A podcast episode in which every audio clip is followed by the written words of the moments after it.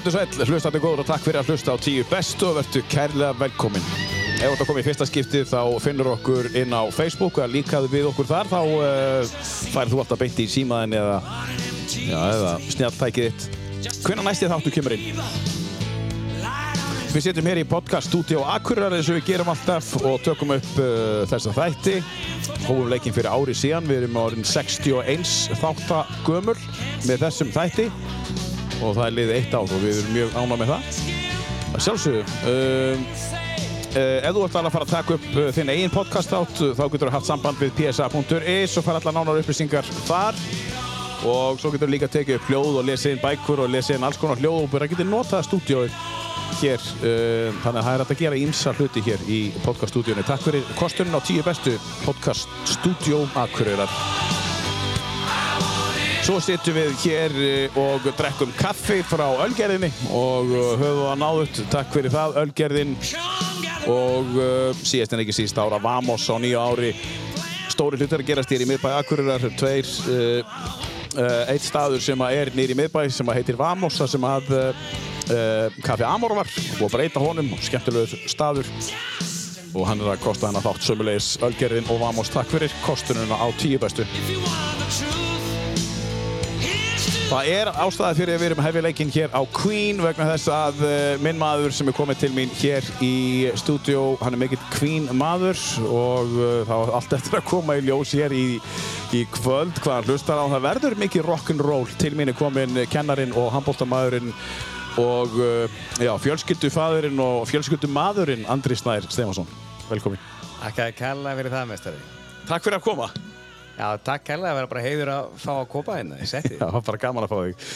Herru, eh, ég verð að byrja að óska til hamingju með eh, þú, núna það sem gerist núna fyrir áramótin. Eh, ég, ég hefði vilja kjósa þig sem tjálvar ásins eh, fyrir það sem þú gerir á síðasta ári, en það er bara ég. en þú náðu samt einhverjum árangri. Þú fjast einhver, einhver velunni, þegar ekki? Eða þú fjast einhverja tilipningu. Jú, jú, takk fyrir það Ásker. Ég, hérna, jú, jú, jú, ég fekk einhverja eh, viðkenningar fyrir hérna síðasta ár og, og bara mikill heiður.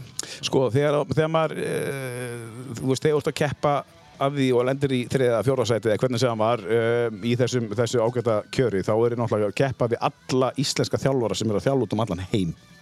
Þannig að þú getur ímyndað hvað þetta er askoti gott. Ég ætla bara, aftur að bara óska til hamingi með það. Já, takk fyrir það. Og verður að taka þetta tíð. Já, takk fyrir það, ég takk fyrir það. Ég er mjög stoltur að þessu klálega eins og við öll sem að koma hjá og þór. Ár sem við munum alltaf muni eftir. Mm -hmm. og það er bara hann og nú er bara að halda áfram. Nýtt ár og bara fullt af nýjum skemmtilegum verkefnum og fullt af nýjum möguleikum og bara bæta sig og gera henn betur. Við ætlum að uh, fara í, í sér umræðu þá eftir. En um, segð okkar einn svona hver þú ert. Þú ert akkuringur í grunn Já, ég, ég segi nú alltaf þessi akkuringur sko. ég, flutti til akkurir 11 ára. Ég bjóði bara fyrstu 11 árin fyrir austan. Uh, Hvar fyrir austan? Á Eidum Já, já bjóð á Eidum sem er uh, lítið staðar rétt hjá Eistöðum og þar var, voru fóröldur mínir uh, fyrst kennarar Já. og pappi var síðan skólastjóri og ég bjóð þar fyrstu 11 árin og hérna fluttum til Akureyra 97 og, og hérna hér er nú uh, já, allt fólk í hans pappa má segja og hérna það er bara og auðvitað verður austan líka og hérna já. það er Ég er akkuringur, klálega. Já, og þið öll. Já, já, já. Pappið líka. Já, já, já. En stoltur að hafa tengslu austur líka. Já, já. Bara þannig, sko. Uh, Færði eitthvað austur? Já, ég reynir nú alltaf að fara allavega einu svona ári. Já, er eitthvað svona tenging, er fjölskylda, það er eitthvað? Eða... Já, þar er hérna, það eru allir með tengslu á, á Finnstaði sem var sveitabærin sem, sem amma bjó í galvanda og, já, og þar fóru pappi og sískirinn í, í, í, í sveit og svona og maður var hérna djöblast í galvanda og En þau eru reyndar ekki lengur með það, en það er samt sem áður, það, það er fólki ég og fullt af fólki fyrir austan, sko. Mm -hmm. Manstu eftir 11 ára? Já, já, já, ég á alveg, sko, þetta er eiginlega hálf fyndið að segja þetta, ég á alveg ótrúlega minningar það fyrir austan, já, sko, þú veist, uh, þetta er eiginlega pínir svo einhver aðeins. Það er ekki svo svo dórið gammal, alltaf, sko. Nei, þetta er svona pínir svo aðeintrabók, sko, þú veist, þegar kona mín er alltaf skilur eða ekkert í þessu, sko, þetta var hann halgjört aðeintri, maður var alltaf úti, alltaf að leika sér, úti, bara veiða í í eðavatni eða læka ná í síli mm. og maður var bara eitthvað að vesinast mm -hmm. og það held ég líka móta manna sem ekki í eskunum ég byrjaði að gefa skipulegar íþróttir fyrir nýla flutti í norður, má segja sko Nú er það Já, þið tvö sumur fótbolta með hætti en það var raun og veru bara þannig maður var, alltaf að fara á eðstöð og æfingar maður náði ekki öllum æfingum og svoleiði sko. Nei, ég segi, já, ég, ég er bara sveitastrákur sem Já, já. flutti 11 ára til Akureyrar og þá fór maður alltaf fullt bara æfa handbolta og fótbolta með káa Og nú með hvað ertu í rauðinni? Þið eru nú nokkrir bræðnir, ekki? Já, Og, og við erum semst þrýr albræður og ein, einn halbróður okkar og við erum hérna hverjir eru það? semst Eithór er elstur, hann býr á Eskifirði. Hann er hérna 77 módel svo er Baldur Már, hann er 82 módel hann býr fyrir sunnan. Og svo er ég, 86 og hérna svo Ágúst Stefansson herra K.A. TV, hann er 89 módel Já, er Ágúst Stefansson, KTV. Já, já, hann er magnaður. Hvernig var, er, sko, er ekki rétt mér að uh, þið eru bara bræður og svo átt þú bara stráka? Jó, það passar, þetta er allt sama Þú formúla átt þrjú börn? Ég á þrjú börn Já, og, strákar. og allt strákar. Það er bara þannig, þetta er ekkert að flækja þetta. Og einn alveg nýr. Já, hann er að vera fjagra mánuða núna og bara lífið. Er búið að skýra? Já, hann er Kári Stefán Andrason, þetta er bara alveg, alveg COVID-bad Kári, Kári Stefáns? Kári Stef Já, vel gert. Heri, já, það er frábært. En, en, en börniðin, hvað heita börniðin? Er þið skýrið í höfuð á einhverjum fyrir utan Já. Kára Stefáns? Sko, já, já, Sölvi Snær er elstur Mhm. hann er hérna, uh, sko, ég var þjálfveit sem heit Sölvi Andrason, mér varst að passa, passa svo vel og hérna, svo smurði ég kona mín Snær hann að milli, milli sem á- frá mér Já, já. og svo er það Jóhann Bjarni og hann er miðjastrákurinn, Jó, Jóhann er svo afi minn. Já, já, og Bjarni er svo tengda pabbi minn. Já. svo Kári Stef. Kári Stefán. hann, hann fekk Stefán eins og pappi minn og. Kári var bara svolítið út í lótið reyndar var það þannig að hérna, elsti sonur minn, hann vildi að hann myndi heita Kári Andrason út af skamstöðunni sko. hann stakk upp á Káa, fyrst já, já. Já, en við smurðum inn af að steppa hann sko. já, þetta er ekkert í höfuð á Kára Stefáns. nei, nei, Það er bara svona skýrskotun já, sko. Ah, Hann má eiga eitthvað já, já, kói tímar kói bara Herri, ok, þannig að það er fullt af strákum. Hvernig var að alast upp með þessum strákum í sveitinni? Voru, þú veist, voru allir alltaf dögulegur að leika? Var einhver annar í íþróttum af bræðurinn? Já, já, sko, sko eldri, hérna, Baldumár var alltaf í, í hérna, sko, körubólta og það var rosalega körubóltamenning fyrir austan. Það var bara Já, já. alltaf körubólti og maður var alltaf í íþróttúsinu þarna. Já. Það var bara laus salur þarna. Maður alltaf bara alltaf að skjóta körfu, alltaf að hérna, spila við eldri strákana og hérna, djöblast og djöblast í körfu og svo var alltaf að var að því að pappinu frá Akureyri og þetta var alltaf þegar K.R. bara orðið stórveldi í handbólta og það var alltaf einhvern veginn að maður var alltaf að hlusta á alla leiki sko bara, rástvö og, hérna, og horfa á þá leiki voru síndir og svo var alltaf bara að spila handbólti líka bara á Já.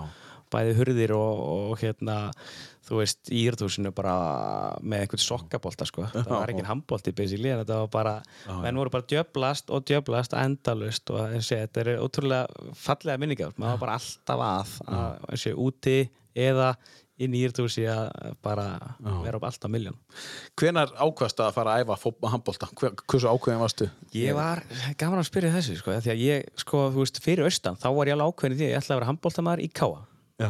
og þú veist, bjóð ekki eins og njá Akureyri Var og- þetta og út af því að við vorum svo öflugir þá? Eða? Já, já, og pappi náttúrulega og all hans sískinni og all, bara afi og all bara káa fjölskylda alveg káa fjölskylda bara þú finnur ekki stærri Eh, káfu það er bara þannig. Og þú veist, það var bara þannig. Ég er ekki grínast, ég segja, þú veist, svona nýja ára þú veist, þá, er, þá var ég bara grjótarður á því að ég ætla að vera handbóltamæður og hérna þú veist, uh, það var hérna Bekkja sýsti mín teiknaði myndir af mér hérna í káa búningnum sko, hérna þegar ég var tíu ára sko, bara hérna að skora mörk og eitthvað, þá varst ekki einu sinni byrjað að æfa ég var ekki byrjað að æfa handbólta sko.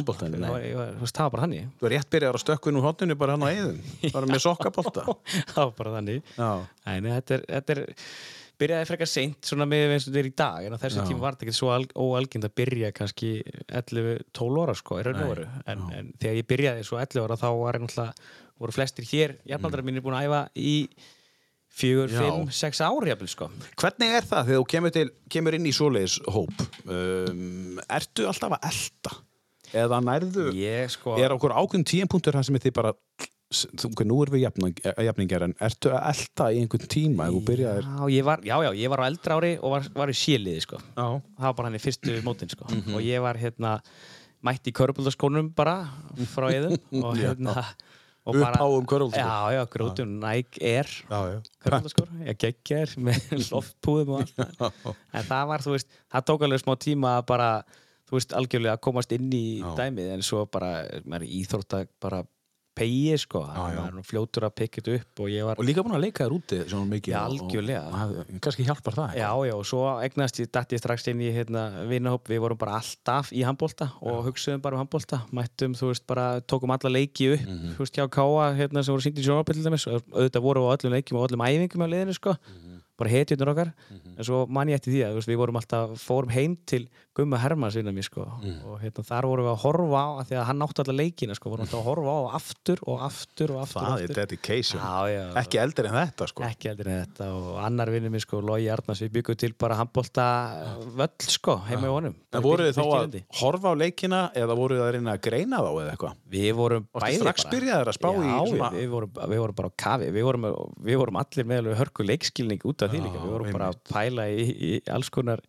kerfum og útfæslum og, og bara og alltaf bara þetta setjum tannkrem á sokkaboltan sko til þess að vera með klístur eins og, og heitirnar sko og þetta var bara allt var ekkert annað. Hvenar ertu hættur í handbólta?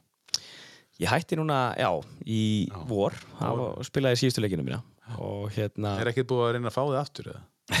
Það segið mér alveg satt. Það Nei, í er og veru búin að reyna að það ekki með. þetta, þetta var ennbla, sko, ég hætti fyrir fimm árum þegar ég var á hann tveggjum þetta fær Já. þá var alltaf að ég er búin að vera að þjálfa rosa mikið ég að spila og Mhm. að kenna og þetta var mikið margi boltar haldalótti Mhm. og ég hætti sko, já 2016 þá hérna ég að hætta Mhm. og sagði Sverre þjálfara bara það að ég var í hættur og, og hérna svo fattaði ég bara yfir, yfir sumari þú veist þegar þeir eru að byrja að æfa og fór í æfingarferð og eitthvað þá fann ég bara "Heyrðu, þetta er bara ekki hægt sko. þá fó, fó, ég var ekki svona að fatta sko, hvað þetta var stór hluti af manni sko. Já. þetta var bara Kemst ég var að fullorinn og orðin hérna tveggja búin að faður Já, ætlaði að vera eitthvað svona rásettur. Já, og- ég ætlaði að vera rásettur sko. En svo bara fattaði ég bara það bara þegar að leiða sumari bara, þetta er ekkert í, í lægi sko. Þú vilt bara vera með strákunum og spila ég bara algjörlega bara, og dreif mig aftur á æfingu og bara kerði þetta aftur í gang, tók fimm ári viðbót sko. og hérna Vel gert. já, þetta var gaman og fyrra veitir var náttúrulega alveg geggjar af því að veist, Já. þá er ég byrjað að þjálfa sko í úrastild hvenna Mm. og að spila í úrastild og að kenna og þú veist, með fjölskyldu þetta var eiginlega svolítið mikið en það var eiginlega komið tíma á þetta veist, líka mér er í góðu lagi sko, Já. og allt það, en nú er bara, er hins vegar allt passjónið komið bara í þjálfun Já, já. og, og þannig að ég, þú veist, auðvitað þú veist, maður saknar þess að vera Já. í handbólta en Já. maður kíkir á einhver á Þú ert í handbólta? Já, ég, ég, ég, ég segi það, já, já, já, kafi í handbólta en þú veist, ég hérna e, ef maður langar að fara á æfingar þá veit, ég veist, þá var Jónni hérna, þjálfari búin að láta mig vita því að maður getur kíkt og, mátt koma. já, já, já, og ég mun gera það Já. klárlega En hvenar, hvenar kviknar þessi handbólta þjálfunar svona bakterja? Uh, hvenar kikkar hún inn? Hvað hva gerist? Góð spurning, sko, ég byrjaði held ég 16 ára, þá byrjaði ég svona að hjálpa til með eitthvað byrjindaflokk eitthvað sko Mhm. og, en svo var það 18 ára þá fór ég fyrst að þjálfa Ellingur Kristjáns sem er nú einmitt í kvennastjórninni Mhm. hann fekk mig til þess að þjálfa fyrst man ég. þá var ég að þjálfa með e, Hafþór Einarsinni með fjórðaflokk kalla og það var bara strákar sem var rétt yngri en ég sko. bara bróðir minn, Gústi bróðir og, bara þreymur og yngri en ég göra sko. Já. og uh, svo bara eitthvað nýr svona fór þetta að vinda upp, á sig sko. ég var alltaf að þjálfa og hérna uh, bara þú veist svo fór ég að alltaf læra að vera kennari og eitthvað nýr fór maður svona fyrst var þetta bara svolítið þannig að mér var bara ógeðslega gaman Mhm. ógeðslega gaman og svo hérna fór maður alltaf að fá meiri metnað og meiri hugmyndir og svona af, af því maður alltaf að spila og maður alltaf hérna gafi í svo að læra af frábæra þjálfurum heppin að vera með frábæra þjálfara Já. Já, að- er það? Já, að- ég er búin að pikka upp alveg ótrúlega mikið úr, Já. úr bara hérna minni, já bara uh, spilamennsku bara hjá frábæra þjálfurum Eh, Skiptir það miklu máli að vera með góðan þjálfur? Allum máli Það skiptir öllum máli. Öllum máli, já, já, já, og þú veist það er bara þannig, ég minna þú veist góðu þjálfari, það segir sér bara sjálft hann, hann þarf að hérna, drífa þetta áfram og Mhm. hérna, það er ansís margi vinklar á Þetta er- að þjálfa sko. Þetta er náttúrulega ekki einstaklingsýþrótt, þetta er hópiýþrótt og það þarf náttúrulega góðan þjálfur til þess að halda öllu draslinu saman. Sko. Já, en þú getur hins vegar séð um sjálfa þig svolítið vel Já, já, já, og hefur alltaf gert, eða ekki? jú, jú. Svona líkanlega og... algjörlega, ég hérna, hef nú alltaf verið mjög í, já, mjög góðu líkanlega formi sko. Bara með það að ég æfi, hef alltaf æft mjög vel fór nú í. Enga þjálfun hjá þér kallið minn Já, ég man eftir því. því Það var, það var æðislega gaman að fá svona, svona íþróttamenn í, í... 2008 fórum við nokkur Já. í handbóltamenn Já. það var alveg stórkostlegt að fá svona alveg íþróttamenn í, í þjálfurloksin sko. það var geggjað það var alveg saman hvað maður ítti það var bara, herru, það er bara meira, meira, meira Já, já. Ég, bara, það, það, það er sko algjörlega, ég man vel var geggjaði tími og, og þetta var á sumrin, ég man þetta var, þetta var ekki sumar, þetta var í áður en undirbúinstíðanbilaði byrjaði, Jú. þetta var svona kannski mæ, júni, júli eða eitthvað svo leiðis það var bara fljótlega eftir að tímbili kláraðist. Já. og hérna fórum við bara Já. kaf í, í þjálfinu á þér. Og hérna og mættum við bara einhverju ruggluðu standi þetta, þegar rugluðu standi, undirbúrstímbili sko. byrjaði sko. þetta varst þú, þetta var uh, Einar Logi, Einar Logi, var þetta ekki reyða hérna, Reyðarlefi og, og Elvar Haldós já, það voru fjóri já.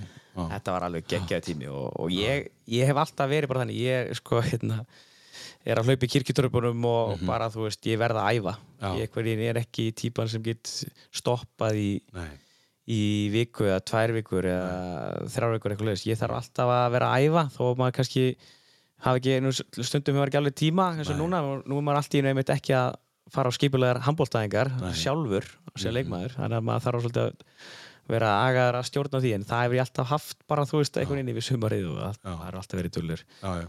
þannig að ég reyna að halda mér í standi Já, sko. já, það er frábært. Um, þú, þú bjóst ellendis Þú varst að læra, ekki, í, þú bjóst í Danmark Já, sko, jú, við fluttum til Danmarkur, ég og, og hérna Kristín Anna, kona mín. Já, við fluttum 2010, hún fór í nám Mhm. og ég fór bara með. Við fórum til fluttum til Orhus í Danmarku já, það var geggjaði tími, tæp tvö ár. Já, og ég fór bara með og með handbóltaskona veru bara já. uh, og bara einhver æventýra þrá sko og Mhm. fór hérna fyrst æði með liði hérna heimaliðinu Orhus sem er aðtörmanna liði og, og hérna það var eins og ég, við komum bara hérna seint svolítið fyrir eitt fyrir já. og þjálfarinn hjálpaði mér að komast að hjá uh, liði, þannig að rétt hjá Odda, Odder er og þar var, þar var ég að spila já, og fekk hérna já, fekk vinnu með og þetta var bara geggjaði tími. Kona mín var í námi viðskiptafræði, Já, master. Já, og við áttum hana tvö ár sem að bara við, hugsum, við erum alltaf að tala um hana tíma. Þetta var Já. bara æntýri, byggum við miðbænum í Órus já. Voruð þið bara tvö að þarna vorum við bara tvö sko. Já, og, og hérna bara í miðbænum í Órus Já. bara geggjaði tími. Æðislega gaman og bara rosa rosalegt ævintýri, rosa frelsi eitthvað, eignast þannig fullt af einhvern góða vini og, Já, já, og alltaf fullt af íslendingum líka í Órhus það var bara geggjur stemning, mikið skólabær. Já, og bara ógeðslega gaman að prófa að spila handbólta líka þarna já. í Danmarku Mhm. og svo eins og ég segi var þetta bara þannig þetta var, var ævintýri. En svo leið og eiginlega uh, Kristín Hanna var ólétt. Þá Mhm. bara var hugurinn strax bara einhvern fyrsta vél heim sko. Já, já, já, já. Bara heim í, í, í, í, hérna, hvað heitir það? Við erum með svo gott bakland. Já, já, heim í baklandi. Það er bara svolítið þannig. Já, já, þið erum með gott bakland báðum megin. Já algjörlega, við búum svo vel að hérna, nú erum við, þú veist, ég var ekki búin að vera á kafi í því að spila og þjálfa Nei. og allt það, maður var ekki líka með baklandið hérna sko. Nei, Ég meina, bæði fóruldrar mínir og tengda fóruldrar mínir eru hér og Mhm. búa nálat okkur og, og við erum svo mikið fjölskyldu fólk já þeir eru fjölskyldu já, já, við erum alltaf við, það er borðað saman re, mjög reglulega og alltaf eitthvað eitthva Það er síðast núna á hann síðast núna á hann, ég bara að koma úr fisk og Herði, en hérna, Andri, við, þú fjast verkefni eitthvað að brjóta allt saman niður og eftir. Eh, þú fjast verkefni að koma með tíu lög og, og hérna, við náum að skjóta inn þessu 11. hérna, I War In All með, með Queen sem við byrjum nú þáttinn á. Var erfitt að setja hann lista upp fyrir mann sem að hlusta mikið á tónlist? Já, það var það, en það var ógeðslega gaman. Það Já. var, hérna, það var mjög gaman að hérna, hugsa svona tilbaka þegar maður að klóra sér í haustum og finna út hvaða lög ætti að vera aðna sko. Já, eiga smá tíma með sjálfum sér. Já, fullt af minningum. Og hérna, þetta var samt, já, þetta var krefjandi veist, þetta er krefandi af því að hérna var alveg fullt af lögum sem að maður uh, strikaði svo endanum út sko, sem að, sem að eiga er nú eiginlega bara að fá að vera þarna sko, það er bara eins og það er. E eins og hvaða lög þar? Getur þú nefnt eitthvað svona, svona out of your head sem hefði ótt að vera að inni Já, en, en, en er ekki? já, já, þú veist Einhverja ljónsveit? Já, já, þú veist, ég er endar með reyndi svolítið að dreifa þetta á, dreifa þessu á hljómsveitir sko. Já, einmitt en hérna, Akkúrat. ég hefði viljað hafa fle, veist, fleiri lög, með hérna, Mm. Deep Purple Já, og hérna já, og jafnvel Zeppelin já það er svona, já, svona kemur fyrst í hugan og Mhm. þú veist, ég var með Nirvana lögana líka, sko, ég lustaði mikið á Nirvana á sínum tíma Já. en það fór ekkert inn á top 10 En, en Pearl Jam? Pearl Jam, já, það, þetta var kannski, ég get ekki sagt að það var nátt top 10, en Nei. það er samt, ég tók nú. Pearl Jam, tímabil eins og allir á mínum aldrei, Já, sko. þannig, sko. Herði, á hverju var að byrja? Hva, hvað myndur, á hvaða lagi myndur þú vilja byrja henni í, í kvöld? Herru, við ætlum að uh, byrja, opna þetta með sko, svolítið skemmtilegu lagi, þar sem allir þekkja og hérna, þetta er kannski margir verið að hissa að maður talar um þetta sé á topp 10 sko, en, en þetta er lag bara sem að, ef að þeir sem þekkja mig, þeir tengja þetta lag beint við mig sko, því að ég Í, við erum mikið í karaoke við hérna vinnóburinn og förum, ef við fyrir ellendis þá hefur við tekið karaoke og, og það er sko þannig að ég mikill Queen maður og Radio Gaga er mitt karaoke lag það er svoleiðis. Þetta hérna. þetta hérna Hvað gerir þú í intrónu? Hvað gerir þú þarna þegar þetta er byrjað? sko, hann er ég alltaf sko vennilega með eitthvað stæla sko, eitthvað Freddy stæla sko Þetta er svolítið langt intro, menn ertu er- bara það að byggja upp salin og... já, ég læt að klappa Já. og jafnvel hef hendi í ormin sko Já, nei, hvað segir þú? Já, já, já, og tók þetta í, í sko Finnlandi Mm. og litlum svona karaoke pub og svo í Þískalandi, Köln eftirminnilegt allt var Manstu vitt. hvernig þú tókst þetta síðast? já, ég tók þetta í, í sumar Já, er það? já, já, Bólamátspartíð Herri, við skulum heyra fyrsta lagi að listanum hans andra. Uh, Radio Gaga með Queen og nú er búið að taka orminn og er búið að hita upp salin og allt saman. 就来。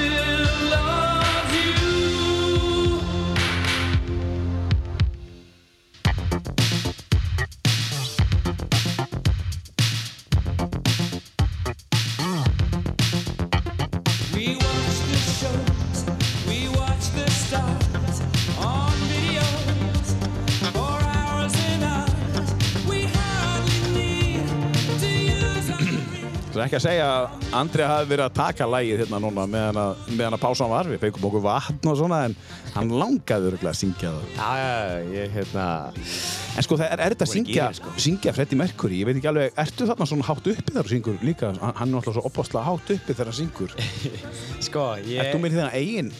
Er það er yfirleitt svolítið svona söngvatt kannski búið að vera í gangi sko þegar að hérna, maður tekur þetta sko þannig að, þannig að maður heldur að maður sé alveg með þetta Já. En ég hef aldrei séð upptöku af þessu sjálfur sko þannig að ég Nei. veit ekki, ég er ekki alveg dómbar á það kannski en ég ætla hana ég ætla hana með taktana Já. búin að horfa mikið á Live at Wembley og, og svona sko Ert þú, búinn að setja mækin í standin núna og ert að klappa með hendurna fyrir Já, ofan höfu? Já, já, ég er að gera það og, Þarna og, og hann að teki það á salin sko Já. Þetta er, maður að- þarf að sjá þetta. Já, Mér já. leitt að hafa aldrei séð þetta, Andri, en ég er örgulega vonandi eftir að sjá þetta einhvern tímann. Já, já, þetta verður er tekið gott þessu. tilumni sko Þú ert ekkert hættur að taka reyti og gaga það? Nei, kannski að taka þetta á Akureyra vöku það að gera það. það væri töf Herðu, en kemur, hvernig kemur Queen til þín? Uh, uh, var mikið hlusta á tónlist á þínu heimili þegar þú varst ungur og kemur eitthvað gegnum pappa gamla eða mömmu? Já, sko, tónlist er bara rosalega mikið í fjölskyldinu minni. Það er að bara báðu megin, fjölskyldinu hos pappa, bara tónlist og Já. káa, það er alveg bara það sem er talað um, sko. Já, Og hérna, mamma, það er líka bara tónlist, tónlist, tónlist er og, en uh, þú veist, ég með Queen, sko, veist, það var eiginlega, uh, svolítið skondið að segja frá- því að ég var á Eyðum, það var eitthvað þannig á þessu tíma áttu allir sína uppáhald hljóðstir Mhm. og, og, og hei, það var heimavæst þarna, ég var þessu ekki á heimavæstinu, maður var alltaf þarna, Mhm. ég bjó náttúrulega bara á staðnum. En þarna voru allir einhver- einhvern veginn sko strákatir og mikið í Metallica og hérna og stelpunar í Queen. Svona, Já. og, sko, þegar ég var var í svona fyrsta bekka Já, sko. Já. fyrsta og öðru bekka sko. það var þannig úlingandir þar sko. Já. þetta var einhvern veginn svoleiðis en svo, ég veit ekki af hverju ég einhvern veginn bara þú veist, var bæði Metallica og Queen en sérstaklega Queen sko. bara, Ég held að þau eru ekkert að útskýra þið, menn að þetta er náttúrulega bara stórkostlegt band, Já, bara er bara- band já. og, þú veist, ég, við áttum pappi átti hérna nokkrar, nokkrar plötur með þeim sko, Mm. og greatest hits hérna, og, eitthvað, og ég, ég bara refsaði þessu sko. Já. bara, vá hvað ég hlustaði mikið á þetta bara sem, sem bara lítill krakki sko. einmitt. Það varst að hlusta á þetta á vínilega eða var CD komin það hérna? var komið í hérna Já, sko. Við já. áttum þetta, já, Já. Já. Það var Hann er þannig. bara að koma þarna. já, eða já, svoleiðis. bara algjörlega Já. það er bara það Já. er bara þannig sko. Já. og hérna eins og ég, þetta var mikið spilað bara út í eitt og Já. hérna já, Freddie Mercury náttúrulega bara stórkostlegur og þeir allir, þetta er bara geggjaband En þú kemur hérna í bæinn 11 ára gammal, í hvað skóla ferðu og, hvernig, og hvert flyttið, í hvað hverri? Herri, við Beint í káa hverju voru? já, já, beint í kákari við fórum í, hérna, fluttum í Hólsgerði Já. og Brekkunni og bara nálat káamilinu og það Já. var bara, ég fór í Lundarskóla Já.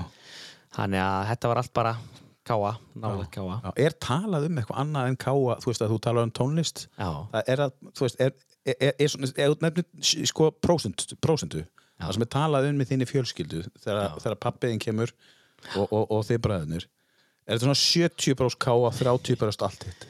ég held að það sé það er oft þannig sko Já. Það er bara Og, og þannig. þú veist, all, Og það er bara- allar greinarnar. Já, já, allar greinar. Það er, sko, það er ótrúlega magnað sko, veist, þegar að það er fótbollalegur á Káa Mm. þá situr bara, það er bara ættamót sko. það er bara kemur allir komand sískinus pappa og Bara eins og, eins og þessi úrstæðarleikur á, á sko, mestardildinni, já, já, það er bara, þetta er svolítið, bara, þetta er svolítið mér finnst þetta svona fjölskyldu stemning það er bara einhvern veginn, þetta þetta skiptir fjölskylduna máli bara og hérna er enda að hafa nokkri verið í, í fjölskyldinu verið í stjórn Káa Já, já. og formen Káa Já, já. og hérna, það er bara þannig þetta er, þetta er bara svolítið þannig Já.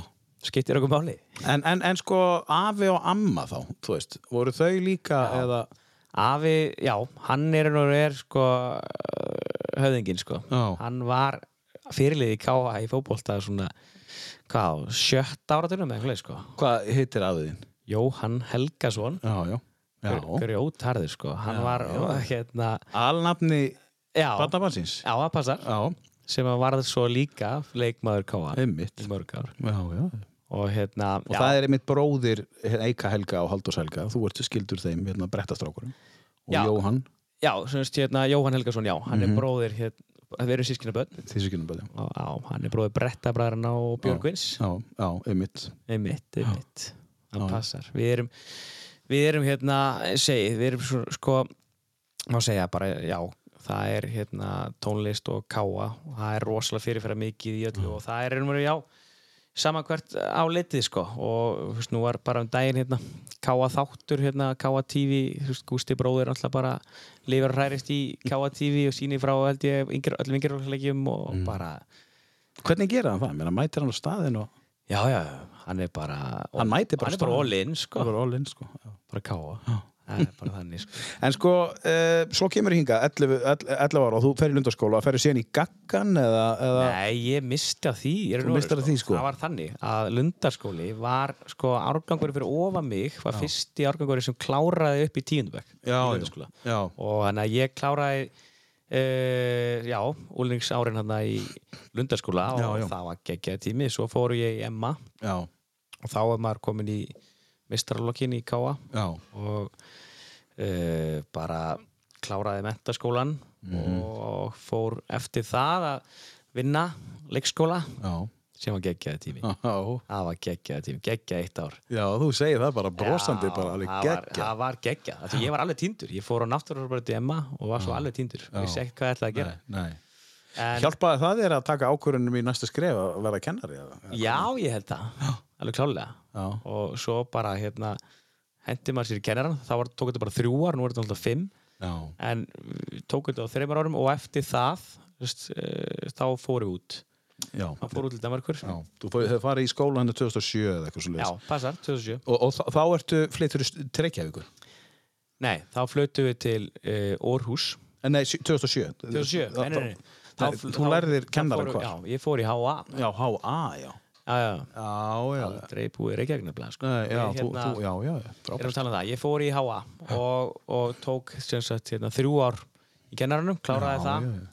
og svo fórum við hérna Kristín hana e, til Orhus og það var sem sagt tveggja ára dæmi þar og stórkoslu tími sem ég segi, geggjaði tími og svo fluttum við heim 2012 og það eru já, vá, það eru komin tíu ár maður er að fatta það einhvern veginn Já, sko. og já. líða hratt, Tíu ár. Já. tíu ár og komið þrjú börn og bara allt í gangi sko Þú talar eins og, eh, margt búið að gerast og þú er samt ekki eldri en þetta. Nei, nei Þú er bara rétt að byrja. Það er rétt að byrja Það er rétt að byrja, sko. Já, en þetta er þetta er svona gaman að hugsa svona tilbaka þú veist, Já. að fara yfir þetta en þú veist, já, ég segja það sveitastrákur í grunninn fyrstu 11 árin svo, hérna, alast upp á svona stað mótaði mann örgulega miklu meira en mann heldur já, svo er ég alltaf að fatta meira og meira hvað þessi að hafa verið svona all-in í, í hérna, eða þú veist kafi í íþróttum, Já. hvað er búið að móta maður mikið maður, já. miklu meira maður gerir sér grein fyrir. Hvernig þá, bara vinarlega séð og, Já, og, fjö, fjö, svona, þetta tala um félags... bæði það, sko, félagskapur er náttúrulega er bara þannig, ég er náttúrulega uh, virkilega góða vinni sem eru náttúrulega bara megnunni til allt fyrir að til liðsfélaga, sko.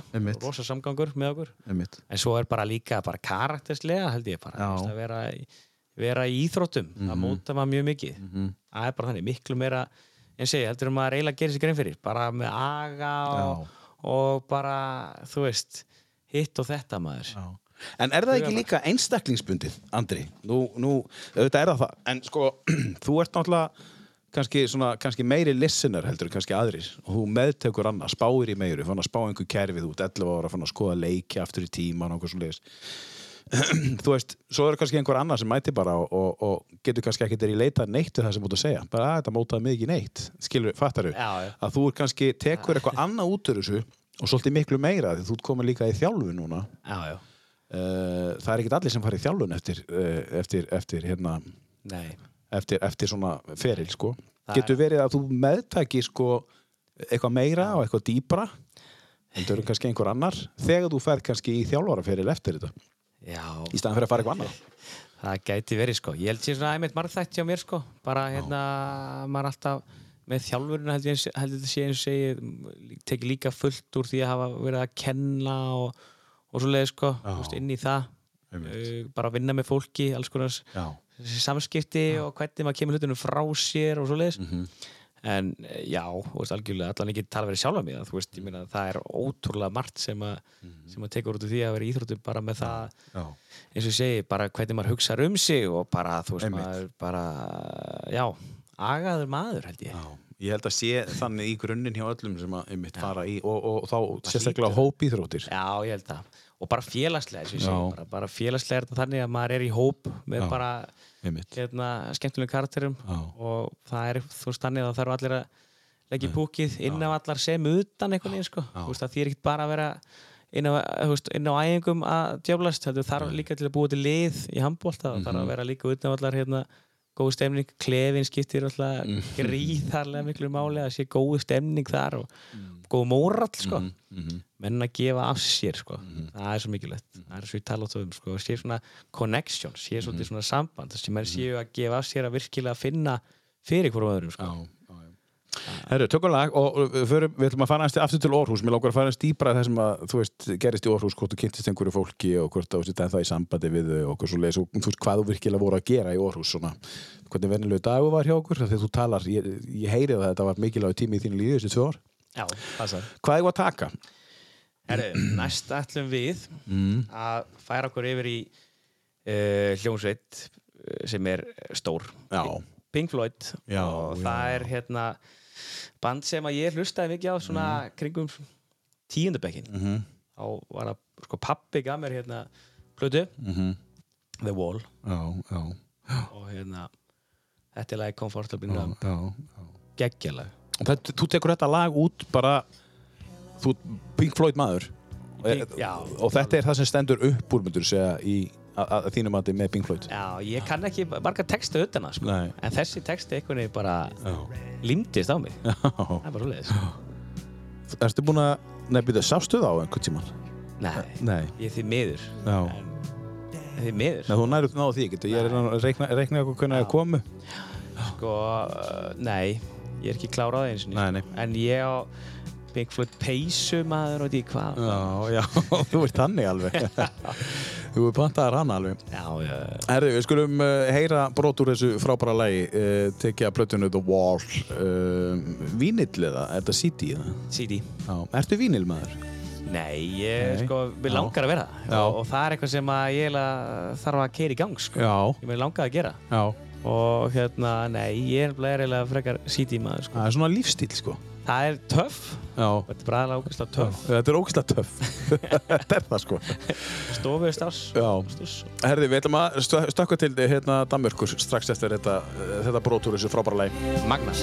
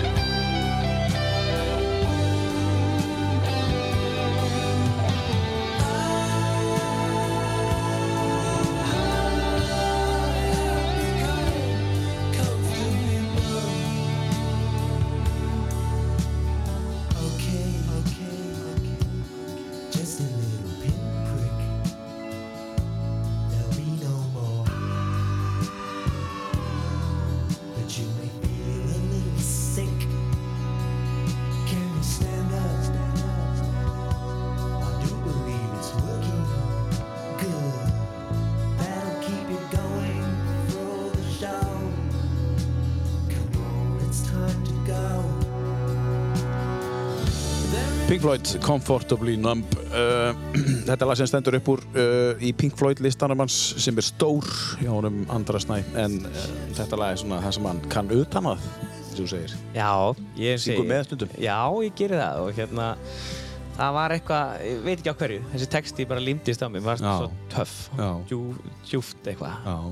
Mjög hérna áhrifamikið, þá eins og segi Já. ég var sko 16 ára, þá var ég í hljómsveit Ha, og við já, fórum sko í músiktilunir Nú, herðu ég var bassalegari Já, er það? já, já, alveg glæsileg En byrjuð, þú ert í hljómsið í dag, eða ekki?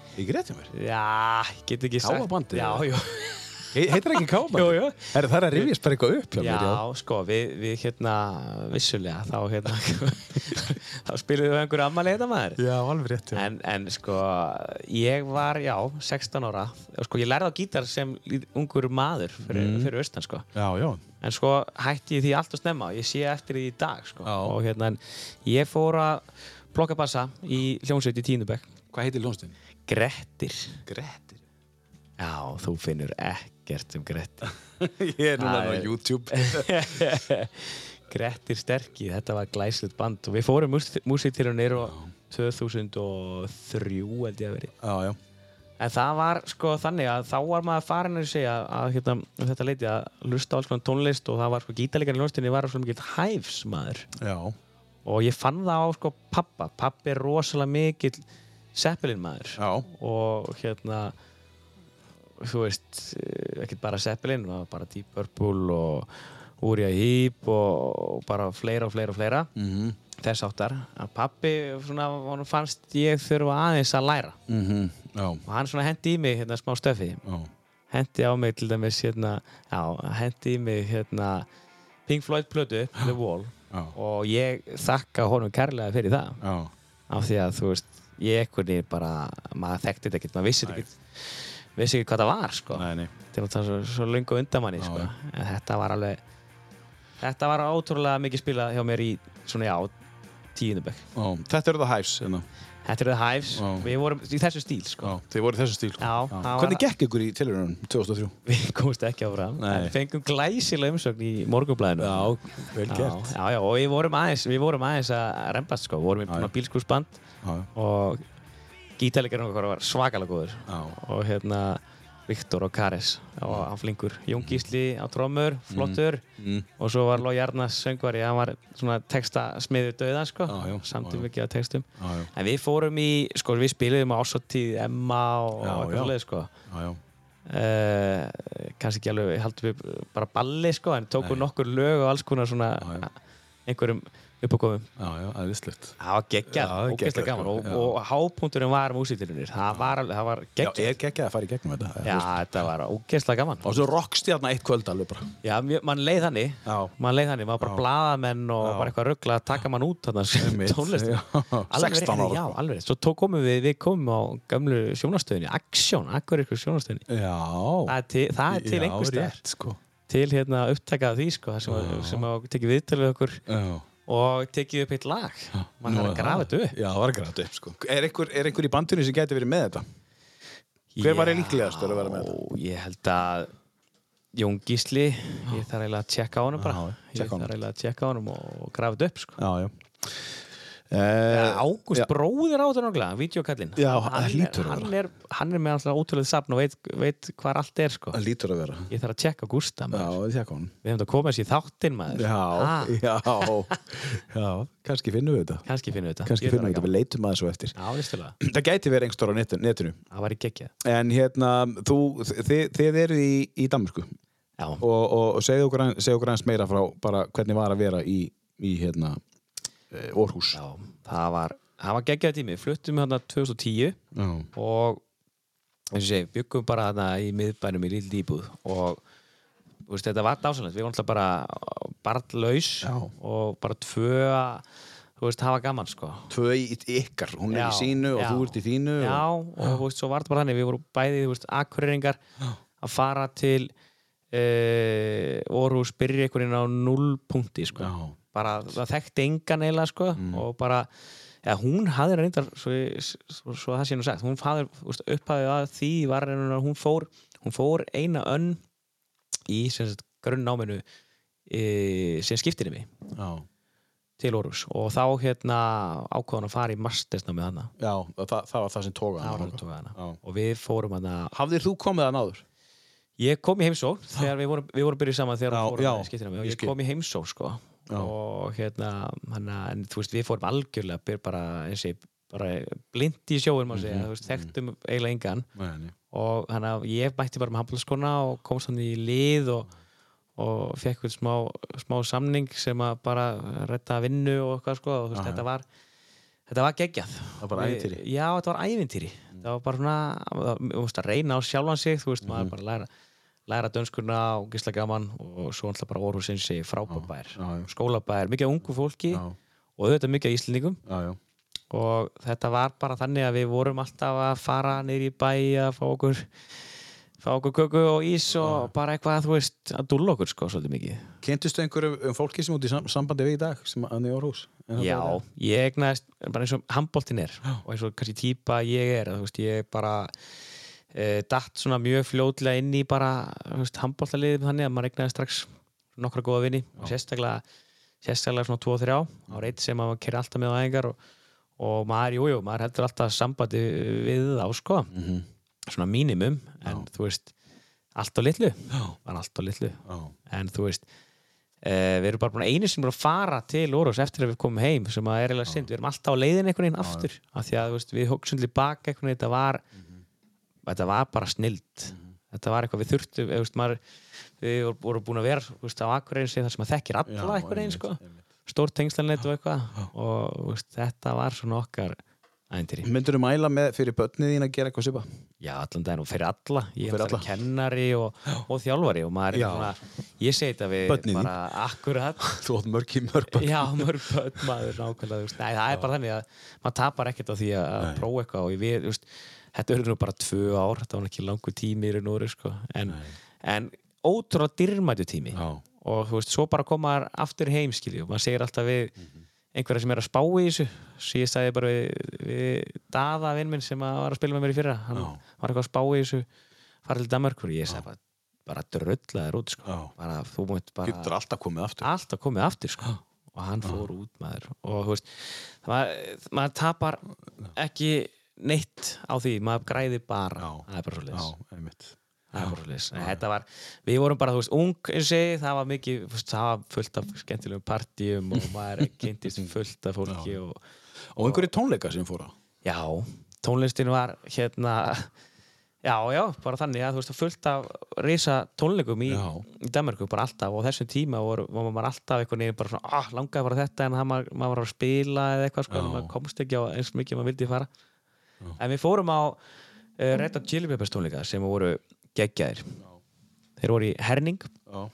og hérna það var það var eitthvað sem að hérna, eiginlega kom mér pínu óvart. Ég fór hérna með við hjónin fórum einar og Teresu, vinnum okkar og það var bara þannig að þeir, þeir voru búin að vera í smá niðursveiflu. Eitthvað, það var talað um það að Red Hot varu bara eiginlega búnir sko. svo mættu þeir hérna og þetta var þetta var svakalegt sjó sko. þetta Já. var bara geggjaði tónleikar og bassalegarinn fleia náttúrulega Já, flý, já. Já. störlaður Já. Og, og, og var- frábært að upplifa tónleika með að því það er nú margir sem hefði viljað sjá sko eh, Red Hot á tónleikum sko já, og, og eru þeir jafn góðir og, og, og, og, og þú veist, þeir voru ekkert búnir Þeir eru ekki búinir, sko, Nei. bara langt frá því og svo komum við með nýja plötu þarna um þetta leiti líka, sko, það er bara, við vorum að setja aftur í nýtróið Já. og já, við hérna, og þið bara lendið akkurat í því þegar þeir eru að gefa í aftur? Já, það var bara svolítið svoleiðis. Og hérna, þetta var bara geggjið stemning og geggjið upplifa á hana því að þú veist, ég var alveg búin að hlusta á en fattaði það virkilega þarna, sko, það voru Og svona, þetta voru tónleikar sem að sem að, hérna, maður mann eftir. Greinilega vegna þess að eitt af lögunum rataði inn á tíla að listan Já, það er, það er nú bara þannig Scar Tissue. Já, ef að heyra smá brott í þessu uh, hérna Andri. Endilega. og, og hérna, svo skulum við Topplag. Já, topplag, svo komum við bara inn hérna eftir smástund. Californication heitir, heitir þessi frábæri titill uh, og lagi heitir Scar Tissue, Red Hot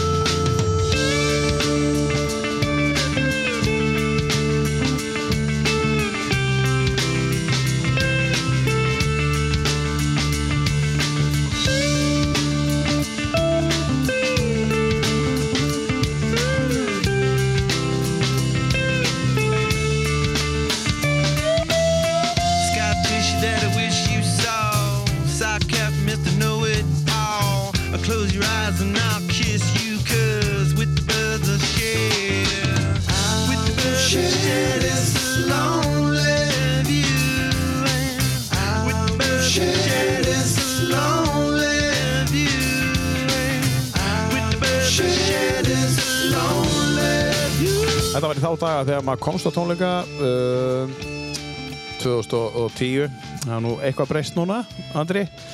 Maður er ekki alveg að komast á tónleika því miður þessa dagana eins og við hefðum viljað fara. Nei, því miður. Við vorum að er ræða hérna- það mitt inn á núna á milli. En það kemur, Áskir. Já, það kemur allt saman sko. Við, við munum vera fljótlega mættir á einhverja svakalega tónleika. Já, já, já, já Þú varst að segja mér uh, að þið fluttu síðan heim þarna þegar að uh, þú varst ekki að fá að spila og hún var hann ólétt og þau einhvern veginn, það gerist mjög hratt Já. einnig viku Já, og þá varst að, fórst að vinna í nöstaskóla já. og þú starfar það enn, Já, ég er búin að vera þar bara í, núna í tíu ár. tíu ár Það er ára tögur liði núna, sko. Þetta er eiginlega skrítið að hugsa, hugsa þannig. Það er hérna, já, tíu ár síðan, þá, ég, þetta gerist hratt, þá bara, Kristín Hanna var, var á nólétt og okkur langaði bara heim. Ég var á þeim, sko, tímpúndi einhvern veginn, það var, var minna að fara að tóa í manna handbóltina því að maður einhvern veginn ekki var að spila og svona, og, og maður langaði bara heim. Já, og mér sá þeim tíma var uh, liðið mitt Akureyri á þeim tíma.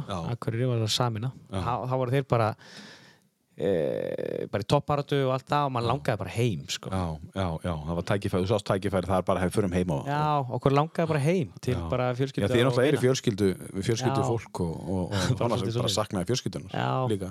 Já, svoleiðis. En þú veist, svo oft talað um það svona eftir á að, þú veist, uh, það hefur náttúrulega hægt að klára veturinn, sko. Já. Veginn bara svona, þetta tók bara í viku, þá voru við bara, pff, Já, þið bara fóruð. fóru bara heim. Já, já. Bara Það var laust staða.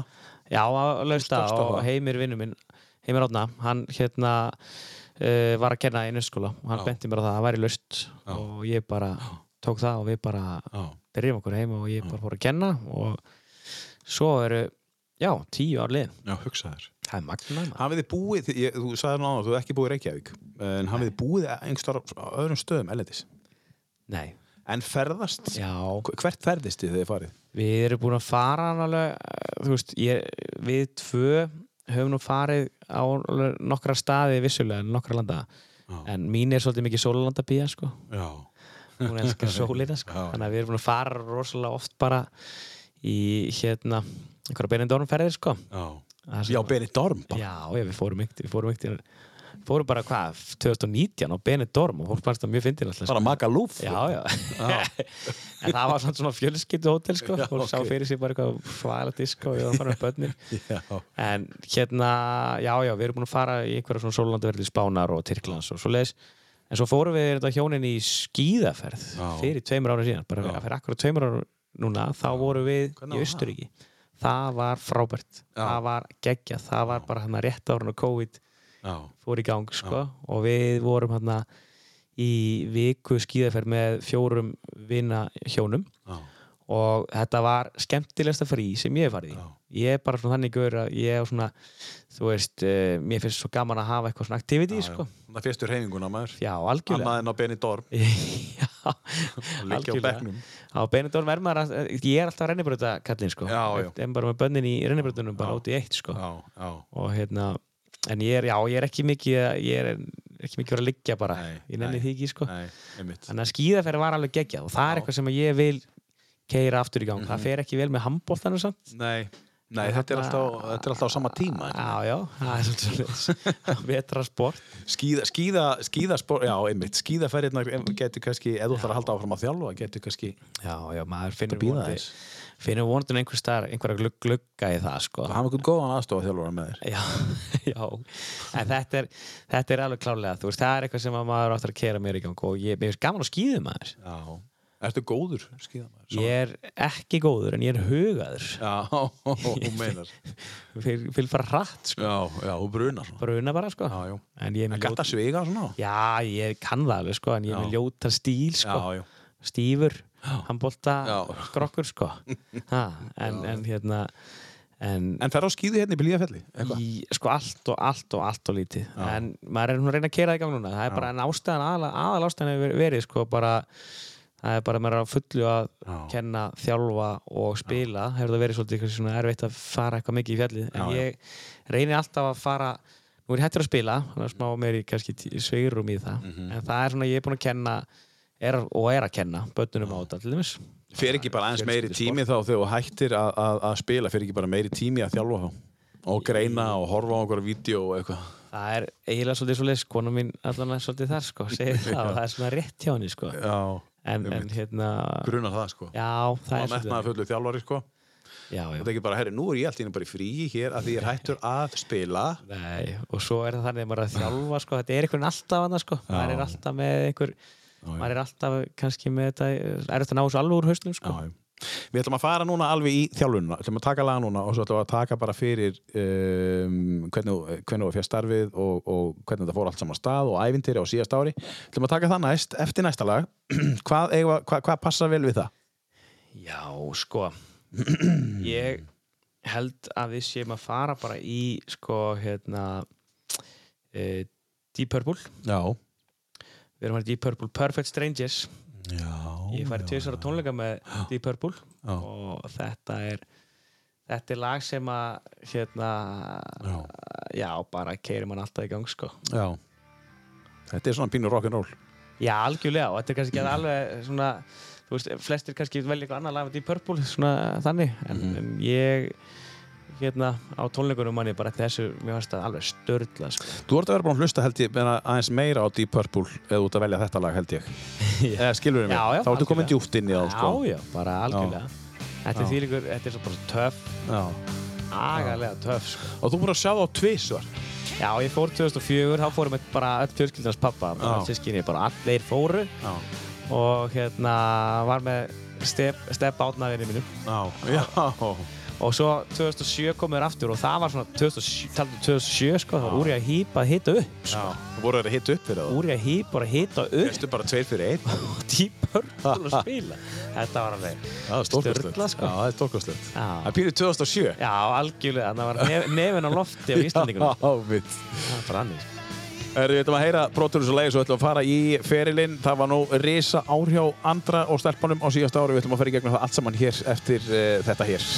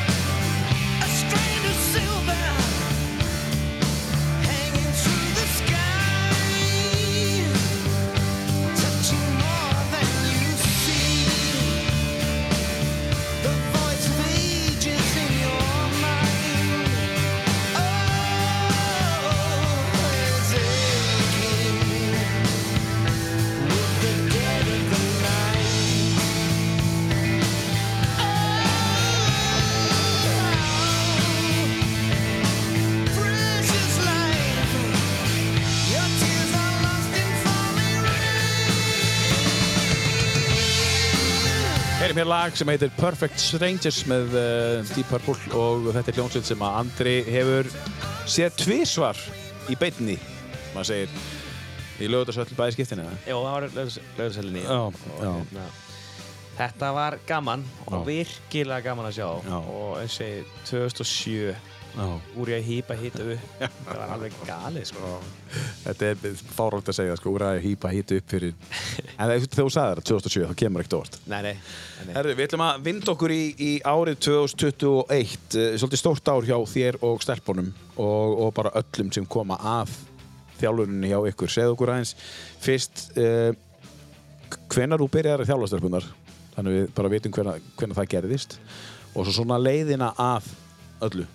Förum í gegnum bara síðast ára alveg. Já, sko, ég tók við bara í mæ 2020 Já. og hérna fyrir síðasta tíðinbíl og hérna þá bara eh, tek ég við og aðstofþjálfurinn minn er hérna Sigþór Átni og styrtaþjálfurinn Egil við erum hérna þjálfara teimið og við vorum sem sagt sko uh, búin að fá Rut Jónsdóttur Já. var náttúrulega bara uh, atverum maður til margra ára og landsinsmaður og bara einn fremsta handbóltakona Íslands.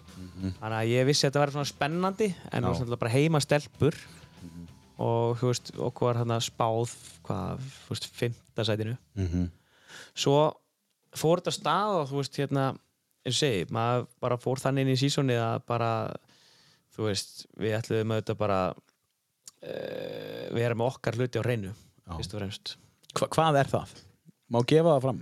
Gefa Já, það? já, bara, þú veist, málið er alltaf bara að hafa svolítið skýrt leikskipulag. Já, Og við- handrit. Já, við bygg, byggum til bara svolítið svona einfalt handrit í raun og veru, bara já. Að hafa þetta ekkert of flókið, bara, þú veist, við nefnilega vorum, sko, undirmjöðsmjöli var svolítið skrítið, við fórum með það að bara, þú veist, það var COVID, stopp, rétt fyrir mót og eitthvað, þannig að við gátum ekki spila eins marga æfingarleiki við ætluðum og, Já, og við byrjuðum þetta bara svolítið að hafa þetta svolítið einfalt. já. Svo byrjaði mótið og, og hérna, við byrjum bara mjög vel. Urðum meistara meistarana hana. uh, svo spil, er, er þetta bara þrýr leikir. Og meistara meistarina eru þá sagt, Já, það var þannig að sko, K.A. Þór hafi komist í byggar úrslit árið undan og þess vegna hafi unnið sér þáttöku rétt í meistara meistarana. ok, Og við fórum í það og, og unnum það. byrjaði að vinna það Byrjum að Já. vinna það. Já, Svo byrja, byrja deildin og það var þrýr leikir og svo er bara, búm, pása. Eða Já. stopp, COVID stopp í Já. Bara þrjá mánuði. einmitt Bara fram í januar. Já, og á þeim tíma meira að segja bara já, máttu við ekki æfa, máttu við ekki hittast sko, í eitt mánuð, sko, þannig að þetta var alveg steikt það eru bara fjárþjálfur stelpunar hann í Mhm. eitt mánuð og svo gáttu við með einhverju takmarkurum en máttum ekki spila ótrúlega staða þetta var erfið staða og svo bara eins og segi, þurftu að keira þetta í gang hann í byrjun januar og þá hérna heldum við bara áfram að vinna með þetta sem við vorum byrjuð að vinnað og svo bara var til að sem byrjaði að rúla við unnum fyrsta leikinn í hálfgerum svona kúkaleik svona það var ekki e, glæstur sigur orðanir, við unnum einu í baráttu leik og svo en bara ok, hafðist. En svo- Iðnaðar leikur Iðnaðar sigur. Iðnaðar sigur, já. Akkurat, en svo í kjölfarið þá fór þetta svolítið svona að rúlla. Og við bara unnum þetta nokkra leiki í röð og bara tókum þetta sigur sigur á móti svona stærri liðunum og, og það einhvern veginn bara Kom eitthvað svolítið á kortið í fréttinnar og svona Þetta var svolítið bara, hei, hvað er að gerast fyrir norðan? já, Já, fór að skapa svolítið svona, einmitt, svona mikið jákvæð stemning. Já, það var jákvæð stemning í liðinu en svona jákvæð stemning í kringum lið og, einmitt, og þetta fór svona vekið svona smá aðtegli en svo bara var bara komið bara bullandi sjálfstörust í lið og við einhvern veginn náðum alltaf að halda áfram að bæta okkur og hérna tókum þetta skref fyrir skref vorum í jöfnu leikjum trekk í trekk en alltaf einhvern veginn að hafa það vinna með einu í bartuleikjum og, og hérna náðum í stíg og bara ótrúlega segla einhvern veginn. En svo bara aftur, búm, COVID stopp. Og við áttum ekki að æfa þetta og maður, ég, ég mani, maður manum að hugsaði svona oh, þú veist, við vorum, við vorum komin svo á bræði og svo bara máttum við ekki hittast í hvort það var tvær vikur eitthvað það var og, er svo hættulegt sko. Já, akkurat, og, svona, við vorum með moment Já, þannig að það voru alls konar hindranir í veginum og þokkabótið er alltaf bara Marta fyrirlið meitt sem er búin að vera svona Mhm. Bara, já, mikilvægst til leikmaður K.A. Þórs í mörg, mörg ár sko. Já. þannig að við vorum í, þú veist, það var alveg þú veist, einhverju haldið þetta hafi bara verið bara eintóm bara hamingja og gleði og léttleiki sko. þetta var alveg fullt af alls konar verkefni sem við þurftum að díla við sko. Já. en við náðum að uh, vinna okkur ótrúlega vel út af því og, Mm. og hérna svo þegar við máttum fara aftur á stað þú veist, ég meina, við bara náðum alltaf að halda áfram bara Mm. með okkar og það er maður sem er ánæði með að við náðum að mjallet áfram að halda áfram bæta okkur og endum að vinna dildina og þeir eru með þarna rosalega ungt lið.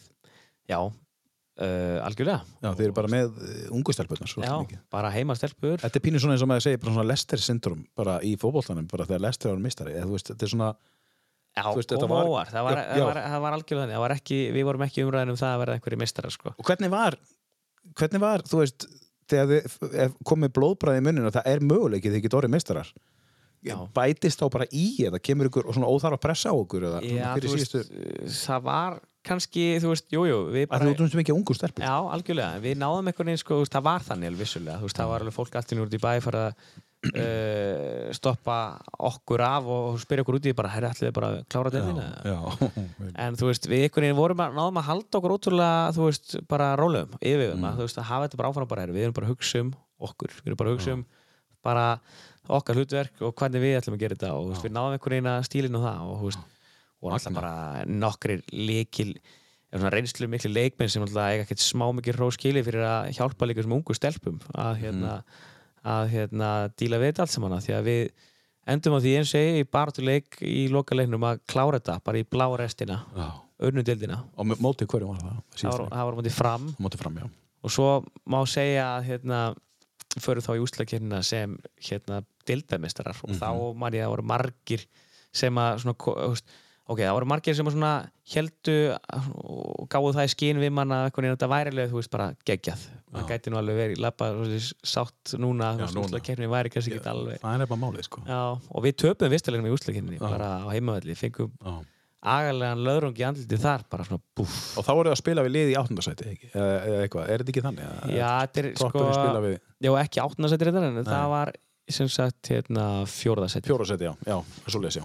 Og það var IBVF og þeir voru, ja, þetta var bara uh, frábætlið á IBVF mjög vel mannað. Og við töpum og það var einhvern veginn kannski það besta sem gæti gæst af því að við einhvern veginn bara búm, svöruðum því, fara út í völd með bakið við vegg unnum þannleik, spilum frábæla og svo var bara ottaleikurinn alltaf bara eitthvað eitthva annað sko. Já, já. bara framlegging og stál í stál og bara stöngin inn, stöngin út og við, já við tókum þetta.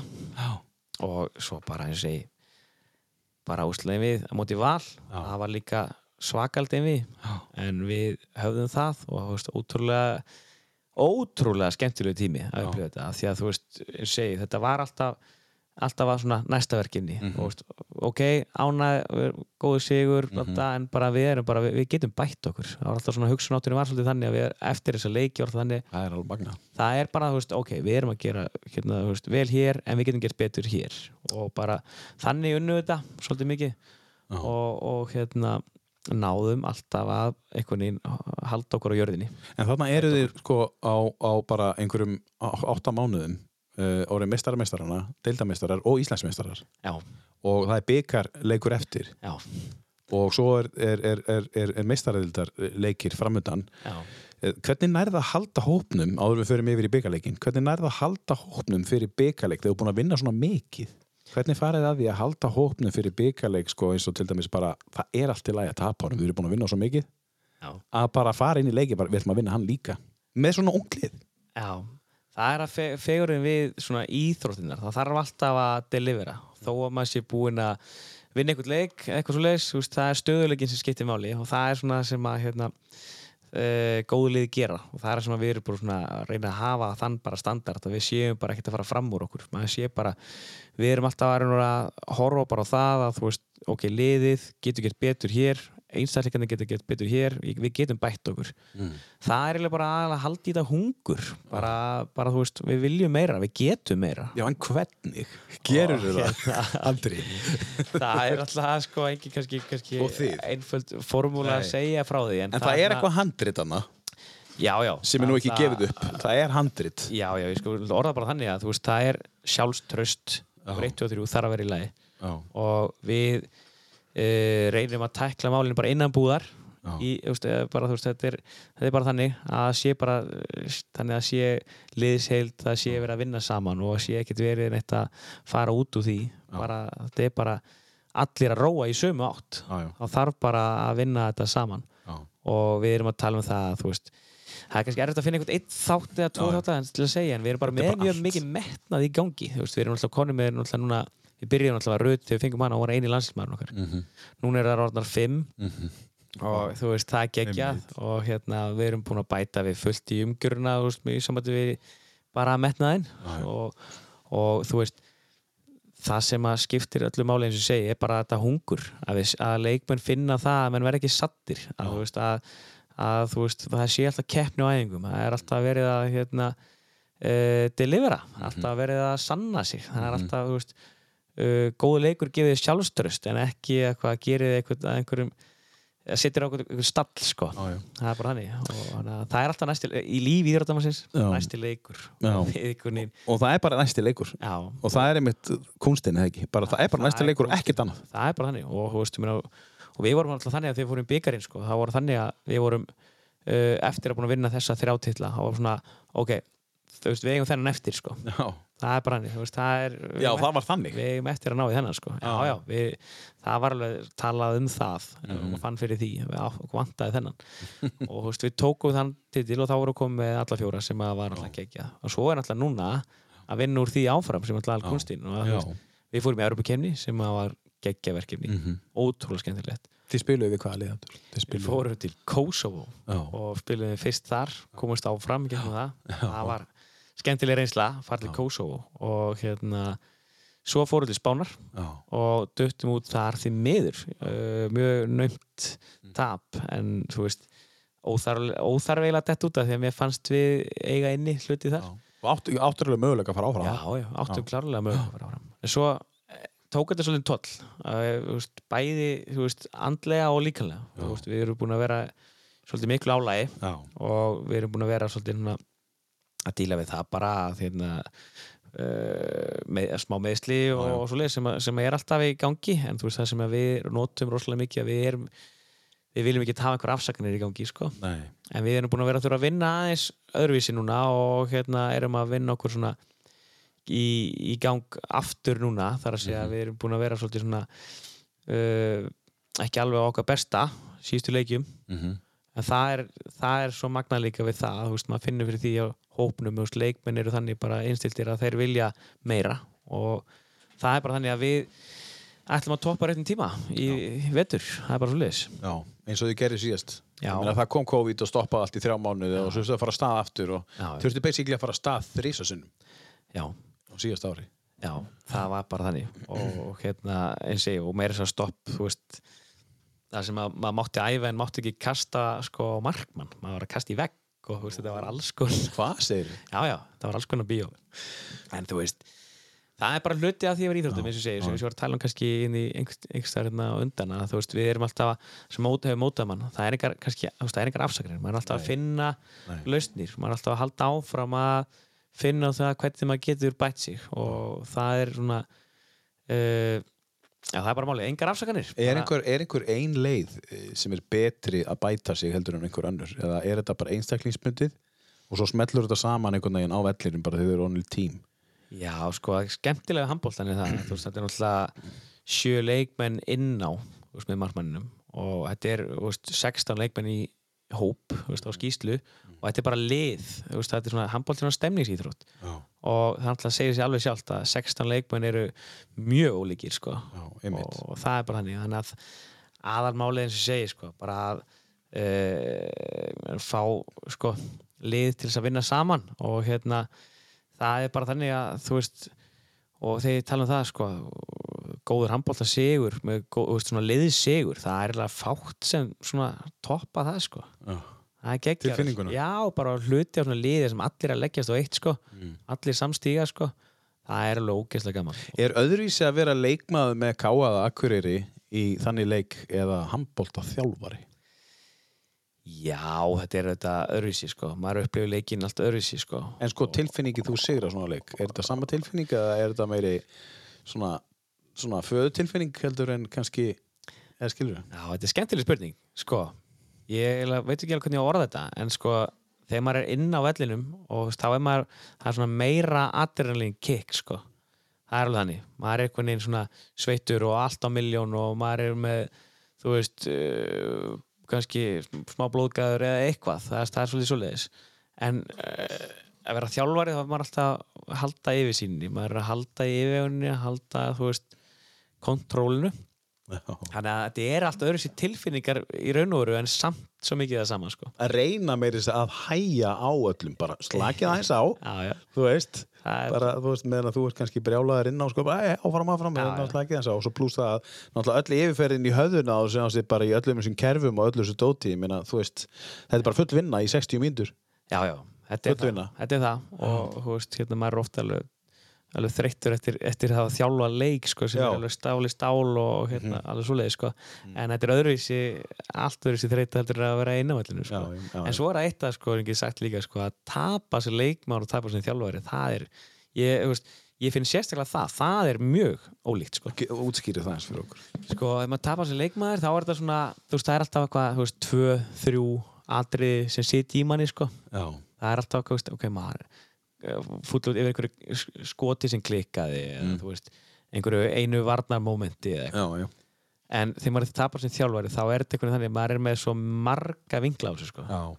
Maður er, maður er með svo alls konar hluti sem maður hefði kannski átt að gera öðru sí og allt svo leys, eða þú veist, maður er svona að reyna að taka út úr þessu, hvað ok lítið inn á við, hvað hefði ég gett gert öðru sí þarna, þarna, jú, ok. En svo náttúrulega bara þú veist, já, spilaðist leikurinn einhvern veginn og maður er alltaf það er alltaf, þetta er bara svona pínu svo eins og maður sé í völundarhúsi maður að finna alltaf rétti lausnar út sko. það er alltaf svolítið svo Já, já. Þetta er bara bústuspil þetta er pústuspil og pínu starfræði og, og, og, og, alls konar. alls konar þannig að En, en sko, kemur kennslu, þessi tíu ára kennslu reynsla, skilar hún sér í handbólta þjálfuninni? Já, einhverju leiti? já, já, alveg 100% sko þar að segja þú veist eins og bara það bara hvernig maður er búin að uh, læra það að þú veist uh, nálgast le, veist, ólíka einstaklinga sérstaklega í samskiptum. Sérstaklega það, sko. sérstaklega það. Já. og hvernig maður talar yfir hóp og annað. Þannig að það er, það fullt ég er búin að þjálfa líka alltaf segja miklu lengur en ég, ég kentir hennar sko. Þannig að, þannig að þú veist, ég er búinn að nota bæði fullt úr kennslu inn í handbóltan Mhm. það þjálfa og eins öfugt sko. já, já, já, inn í kennsluna. já, alveg klárlega sko. Já, já. alveg 100% og það er eins og ég segi, það er svona sérstaklega í samskiptin og, og eins bara svona bara kannski agastjórnun já. uh, og já, já, skipulæning og, og fleira sko. Já, höldum aðeins áfram með þetta, tökum eitt lag og, og, höldum aðeins áfram með þessa umræðu Hvað er að taka? herðu, uh, sko Næst. ef við ekki fara yfir í Led Zeppelin? Já, það er alltaf er að búa til svona lista þá er alltaf bara sjálfsögðu Stairway to Heaven sem Já. verður að vera það sko. já, ymmit Þú, þú, sé þú veit bara bara- meina það að þetta er bara svona, þetta er bara svona alltaf- skildulag. Þetta er eitt besta lag sögunar, það er alveg klart og eins og ég, pappi gamli er náttúrulega mikill Led Zeppelin maður. Og náttúrulega Já, ég man svona í bara í uppeldinu alltaf þegar að ef mamma þurfti að fara eitthvað sko já og þá oft svona að hækka vel í, græjanum sko Já, þegar hún var farin að heim Já, já, það er að segja pappi setti þá Zeppelin á fónin og, og hérna, já, já, hækkaði vel En var pabbiðin töff með vínil? Já, já, já, Já. pappi í algjörlega, Já. 100% Já. og hérna, Á með vínil já, já, já, hann, Já. hann á sko mikið og gott plötursafn og Já, já. hérna, já, já, og það er eitthvað sem að Og er? Já, já, Töff það er Já. og það er eitthvað sem ég þarf eiginlega að fara að keira í gangi sem ég sagði hérna, sko. Já, einmitt Við skulum heyra brotur þessu frábæra lagi með Led Zeppelin There's a lady who's sure all that glitters is gold, and she's buying a stairway to heaven. When she gets there, she knows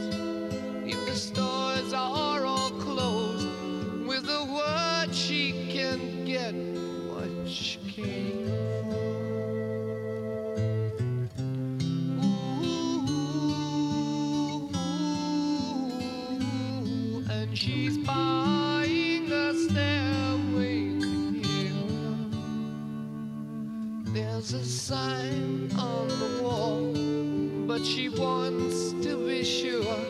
Cause you know sometimes words have two meanings.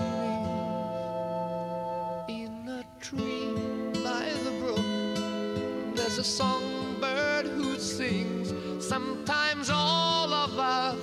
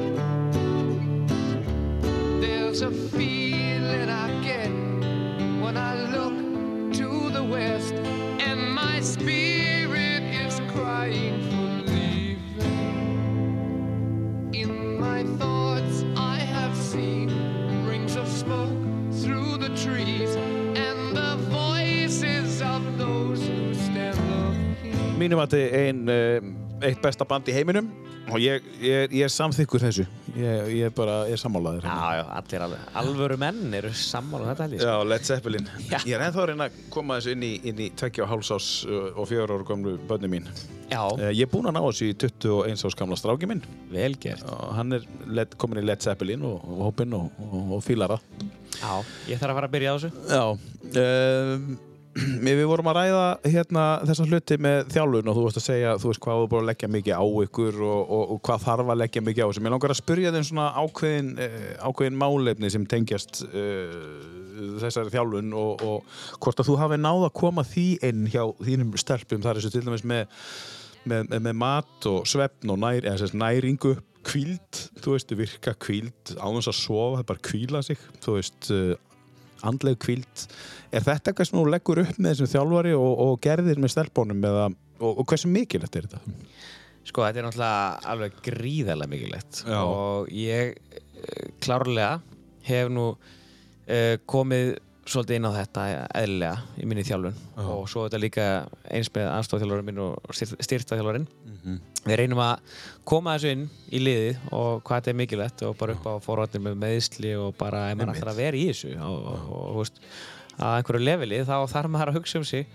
Og hérna við erum svo heppin náttúrulega eins og segja að hafa náttúrulega eins og tveir uh, hvað ég segja reynslumestu leikmennleysins Marta og Rutt sem eru náttúrulega bara ótrúlega agaðar og hérna duglegar íþróttastelpur sem bara grjótarðar en hugsa mjög vel um sig. Góða fyrirmyndir fyrir þessar ungu og við erum klárlega búin að vinna uh, í þessum málum en ég vil gera enn betur, ég vil gera enn meira. Já. af því að þú veist uh, Þetta er eigið inni? við, já, mér finnst það. Og hérna, og heldur, heldur þetta sé ekki svolítið landlegt að, að, að, að fleiri félög á landinu er inni í þessu? Alveg hygglust sko. Og bara, þú veist, eins og segi þetta með, sko, bara tökum bara svefnin, sko veist, það er náttúrulega þannig að þú veist, nú er ég til dæmis að kenna í grunnskóla og úlingastíði og maður upplifir það, þú veist uh, já, við erum bara, við Íslendingar erum bara eh, eiginlega hálf glórulaus mútið við svefn, Já. það er bara þannig við svo mikið nóg og hérna og eins og segi, tala ekki um það ef maður ætlar að vera íþróttamæður og þarf maður að sofa nóg Já.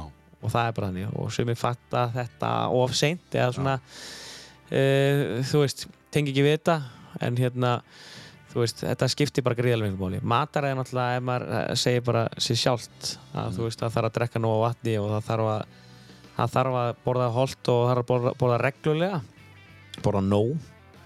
Þetta er kunst. Er ekki svolítið erfitt, Andri, þegar þú ert búinn að gera þetta frá því þú varst bara ungur búinn að hugsa einmitt svona um þig, sko, kvílaði vel og, og, og, og halda líkamannum í lægi og svo leiðis að þetta smitist ekki nógu mikið yfir í leikmenn eða þá í kringu þig. Er ekki svolítið erfitt af því að þú ert að upplifa þetta af því að þú veist virknin á þessu? Já, og þú ert að reyna að koma bara þetta, er, þetta virkar, þú veist, please, þú veist, prófið þetta. Já, að þetta fer samt ekki að stað, svo auðvöld að segja þetta, svo auðvöld að heyra þetta. Já, En það er svo, samt svo, líka svo opbáslega auðvöld að bara slæta fram hjá þessu bara. Þetta, er, þetta er rosalega flott saga.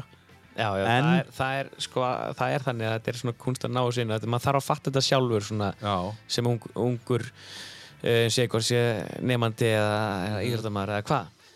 En sko, ég get þannig sagt með með sko allan að að við förum í liðið. Það var ótrúlega gaman að því að það eru margar sem eru búin að vinna samt vel í því voru margar að vinna í því að sem sko uh,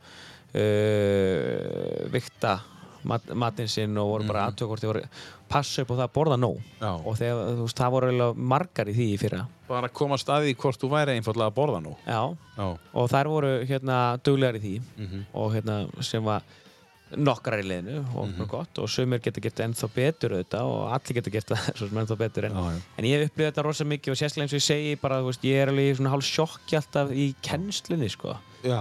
ég upplifið það, ég er að kenna semst 8. 9. og 10. bekk Já.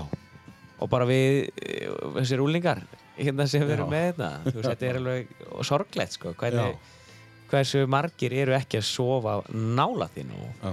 og hversu margir eru ekki að borða er, margir eru bara að borða bara eitthvað og margir íþjóðakrakkar til dæmis bara á þessum aldri Mm. eru bara í óstarslöfunum og, og snúðunum bara í hátíðismatnum bara Alla daga. sko. Og, og halda það sé bara allt í lagi. Og mæta síðan á æfingu og, og, og ná ekki að kreista fram með mitt þetta auka og eru, eru að krampa upp og eru, þú veist, þurfa að kvíla sig og, og eru ekki að ná Akkurat, en, en, en vilja samt einhvern veginn ná langt en fatt ekki alveg þennan þátt sko.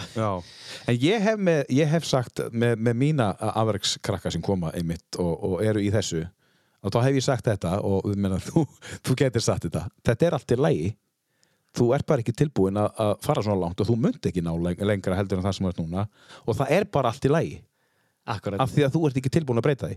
Akkurat. og bara þegar maður segir þetta þú er svo magna, það er bara einhvern veginn uh, ég ætla samt að fara, nei, þú ert ekki að fara þú er bara áslöfur og þú sefur ekki neitt sko. en það er líka allt í lægi, þá eru líka bara átt á því þú fer ekki lengra en núna, Já, bara að þú veist akkurat, skilur þú, að, að, að hérna Reyna bara að ná til, til Já. hvort að átti sjá hvað þetta þýðir hvað þetta þýðir sko, af því að einhvern veginn þarfst að fá krakkan eða unglingin eða leikmannin til þess að prófa þetta Já, já, og, og eins í segi, þegar þú ert búin að hugsa svona vel um þig og eins og þú gerir að, að það, er, það er enn, enn erfiðar að örgla að upplifa það að bara, akkur gerur þetta ekki þú veist, Já, já. please, að þetta virkar svo geðvikt sko. já, já. Þú Það er veist. alveg, alveg, alveg þannig sko en, en maður kannski þarf stundum líka sem þjálfari að hérna um, reyna að fá líka stundum aðra rödd en maður sjálfur. Maður, maður er svo mikið að hamra á alls konar hlutum. Já, og maður fer kannski ekki inn á allt þar að segja. Sumir kannski eru það er kannski betra að aðra rödd í sumt sko, já, til dæmis eins og þetta. Já fyrir já, suma. Já, já, já, algjörlega, en, en hérna algjörlega.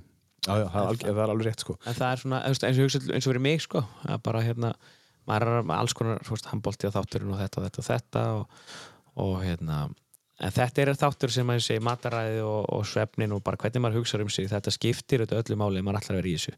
Og raun og veru fyrir alla þú veist, ég meina ég upplifið það bara maður ætlar að fungerandi einstællingur í bara vinnu og fjölskyldu þá þarf maður að hugsa um sig og það er bara þannig og nú held ég að það sé bara þannig að, að það er á mikið af fólki sem hugsaður ekki nóg vel um þessu grunn þætti sko, bara svefnin að sofa það, þegar fólk krassar hvað er fyrst að horta á? Já, það er bara, herðu, nú að þú bara taka taki gegn svefnin og farða að kvíla þig og svo bara hérna þú veist, þú ert greinlega ekki að reyfa þig nóg, veist, þetta, þetta er bara þannig heilsan já, já. er bara hérna ekki nummer 1, 2 og 3 hjá svo mörgum og það er því miður. Þú færð bara alltaf sömu skilabóðin þegar þú ert í burnout eða krassar eða bara, þú ert að kvíla þig, þú ert að reyfa hann og þú ert að borða eins betur. bara já, ég veit þetta allt saman en, en, en ég er samt ekki að gera þetta samt ekki að gera það sko. Já. En hversu mikilvægt að þínu mati finnst þér að vera að þú talaður um mörtu og rutáðan að, að þú sett með tvær svona stelpur og mögulega sjálfa þig eh, sem að eru fyrirmyndir í liðinu. Hversu mikilvægt er að vera með fyrirmyndir fyrir ungar, unga leikmenn. Það bara skiptir öllu máli Já. og bara algjörlega öllu máli þú veist, uh, við fundum fyrir því bara eins og ég að svona raut alltaf uh, kom inn í þetta og hristi svona veruleg upp í þessu bara algjörlega, kemur bara atvinnumæður eftir, þú veist, hún var 12 ára atvinnumæður Mhm. og hún bara var því að vera í, í bara hæ, á hæsta leveli. Mhm. komin í Káaþór og bara, þú veist, hún, hún tók virkilega mikið til sín bara þannig að, þú veist, bara fyrir, fyrir stelpundar bara svona, ok, nú þarf ég að steppir upp, sko. Já, og svo náttúrulega bara að segja, Marta náttúrulega er bara þannig nagli líka sko bara hún, hún, það er aldrei neinar afsakanir það er bara keirt allt áfram og bara þú veist grjóthörð, Já. tannlæknir með þrjú börn og bara þú veist orðin 38 ára Mhm. og samt bara eitthvað grjóthörð okkur með einsta degi mættu að einhver bara til þess að vera á fullu sko. ég er bara, þú veist eins og ég segi, þessar tvær eru náttúrulega ótrúlega dýrmættu fyrir okkur sko. Mhm. og bara þessar stelpur eru gríðarlega hefnar og það Já. gera sér alveg grein fyrir því sko. Já. og bara þetta hafa þær, eins og ég segi, bætt sér mjög mikið Já. og, veist, og þetta skiptir öllu máli og veist, þetta bara uh, ég þekki það sjálfur bara veist, maður, maður er ennþá með fyrirmyndir í, í hérna í hérna boltanum og svona sem að sem maður er að horfa upp til og reyna Mhm. að læra af og alltaf svona já, að bara fá mann til þess að púsit aðeins lengra sko og það er alltaf einhver sem er fyrir mann sjálfan sem að e, ég ætla einmitt að spyrja það eftir ef þú fengir að velja einn einstakling e, að þú taka laga núna. Að velja einstakling sem að hérna, þú ert bara andri, þú ert með þinni fjölskyldu alltaf en þú væri til í að vera samt sá gæi, auðvitað er alltaf best að vera maður sjálfur skilur, en bara ég væri til í að vera þessi gæi eða þessi aðili. skemmtilegt, skemmtilegt. Þannig að hugsaði það eins meðan við erum að fara í næsta lag. Um, hvað er að taka næst? Herðu, næst ætlum við að fara yfir í Metallica. Já, já, já, já. það er bara þannig. Og það er bara eh, ekkert smá lag. Já, Fade to Black. Er alltaf erfitt að velja svona eitt Já. Þetta kom fyrst í bjögan ég, já, ég hérna já, ég bara og sko er þetta ekki að tiltöla nýri blötu eða? Ride the Lightning, ég þekki ekki Metallica nógu vel sko. og svo er það þannig að, að sko, ég er er uh, búin að vera svo lengi í handbóltanum og við vorum, við vorum alltaf hérna komin svona setna árin mín í það en í klefa, ungu strákunar að spila alltaf hérna eitthvað rap. Já, eitthvað nýtt rap og ég alltaf að hérna keiri í gangi eitthvað gamalt og gott og þá, þá setti ég nú oft þetta allir með sko. Og náðirðu þessu í gegn? Já, já, ég fekk alltaf mín Metallica lög sko. en meina, það, það er ekki annað hægt heldur, sem að út að keira liðið í gang og fara eitt svona. Já, já, bara, bara þú veist, við erum að spila sko. já, mitt akkurat. En, en undirbúðu þig uh, þú ert að hugsa vel um sjálfan þig og, svoleiðis, og, og við vorum að tala um það áðan og, og, og, og, þú ætlar að finna þennan aðila og þú ætlar mögulega líka að segja okkur hvað er finnst gott að borða.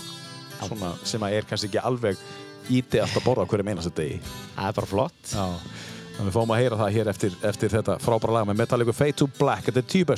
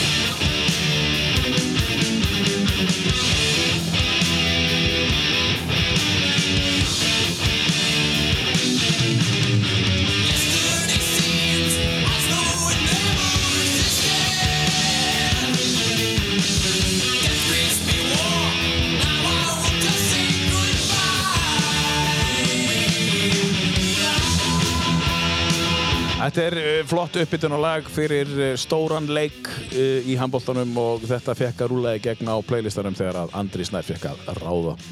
Tókstu bara hiphopið út og bara nú ætla ég aðeins að fá að skipta mér af Já, já, og, ef það var ekki Metallica það var Iron Maiden á ræðarmeitin eða eitthvað. það var eitthvað svona alvöru alvöru rock sko. Já. Herðu, en uh, hvað finnst þið gott að borða? Hvað er uppáhalds, áttuður uppáhalds mat? Nú erum við að tala um hérna tíu uppáhalds lög, áttuður uppáhalds mat. Er eitthvað svona sem er svona, þú veist, svona hvað maður að segja? Já. Þetta er svona, svona sæla sem þú grípur í, bara svona, ok, ég get ekki að þessi gert með þetta geðvikt. Já, ég sko ég er mikill grillari sko Já.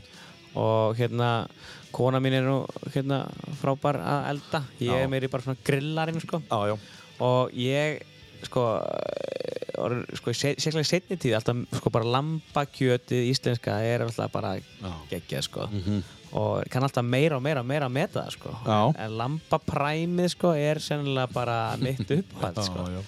Bara í. Já, lambapræmið er sennilega nummer eitt sko Svona biti sem þú kaupir, sko, það eru tveir saman eða eitthvað, Já. kaupir það og kaupið það, sker bitanir í þrjá sko, Já. langsum langsum, já.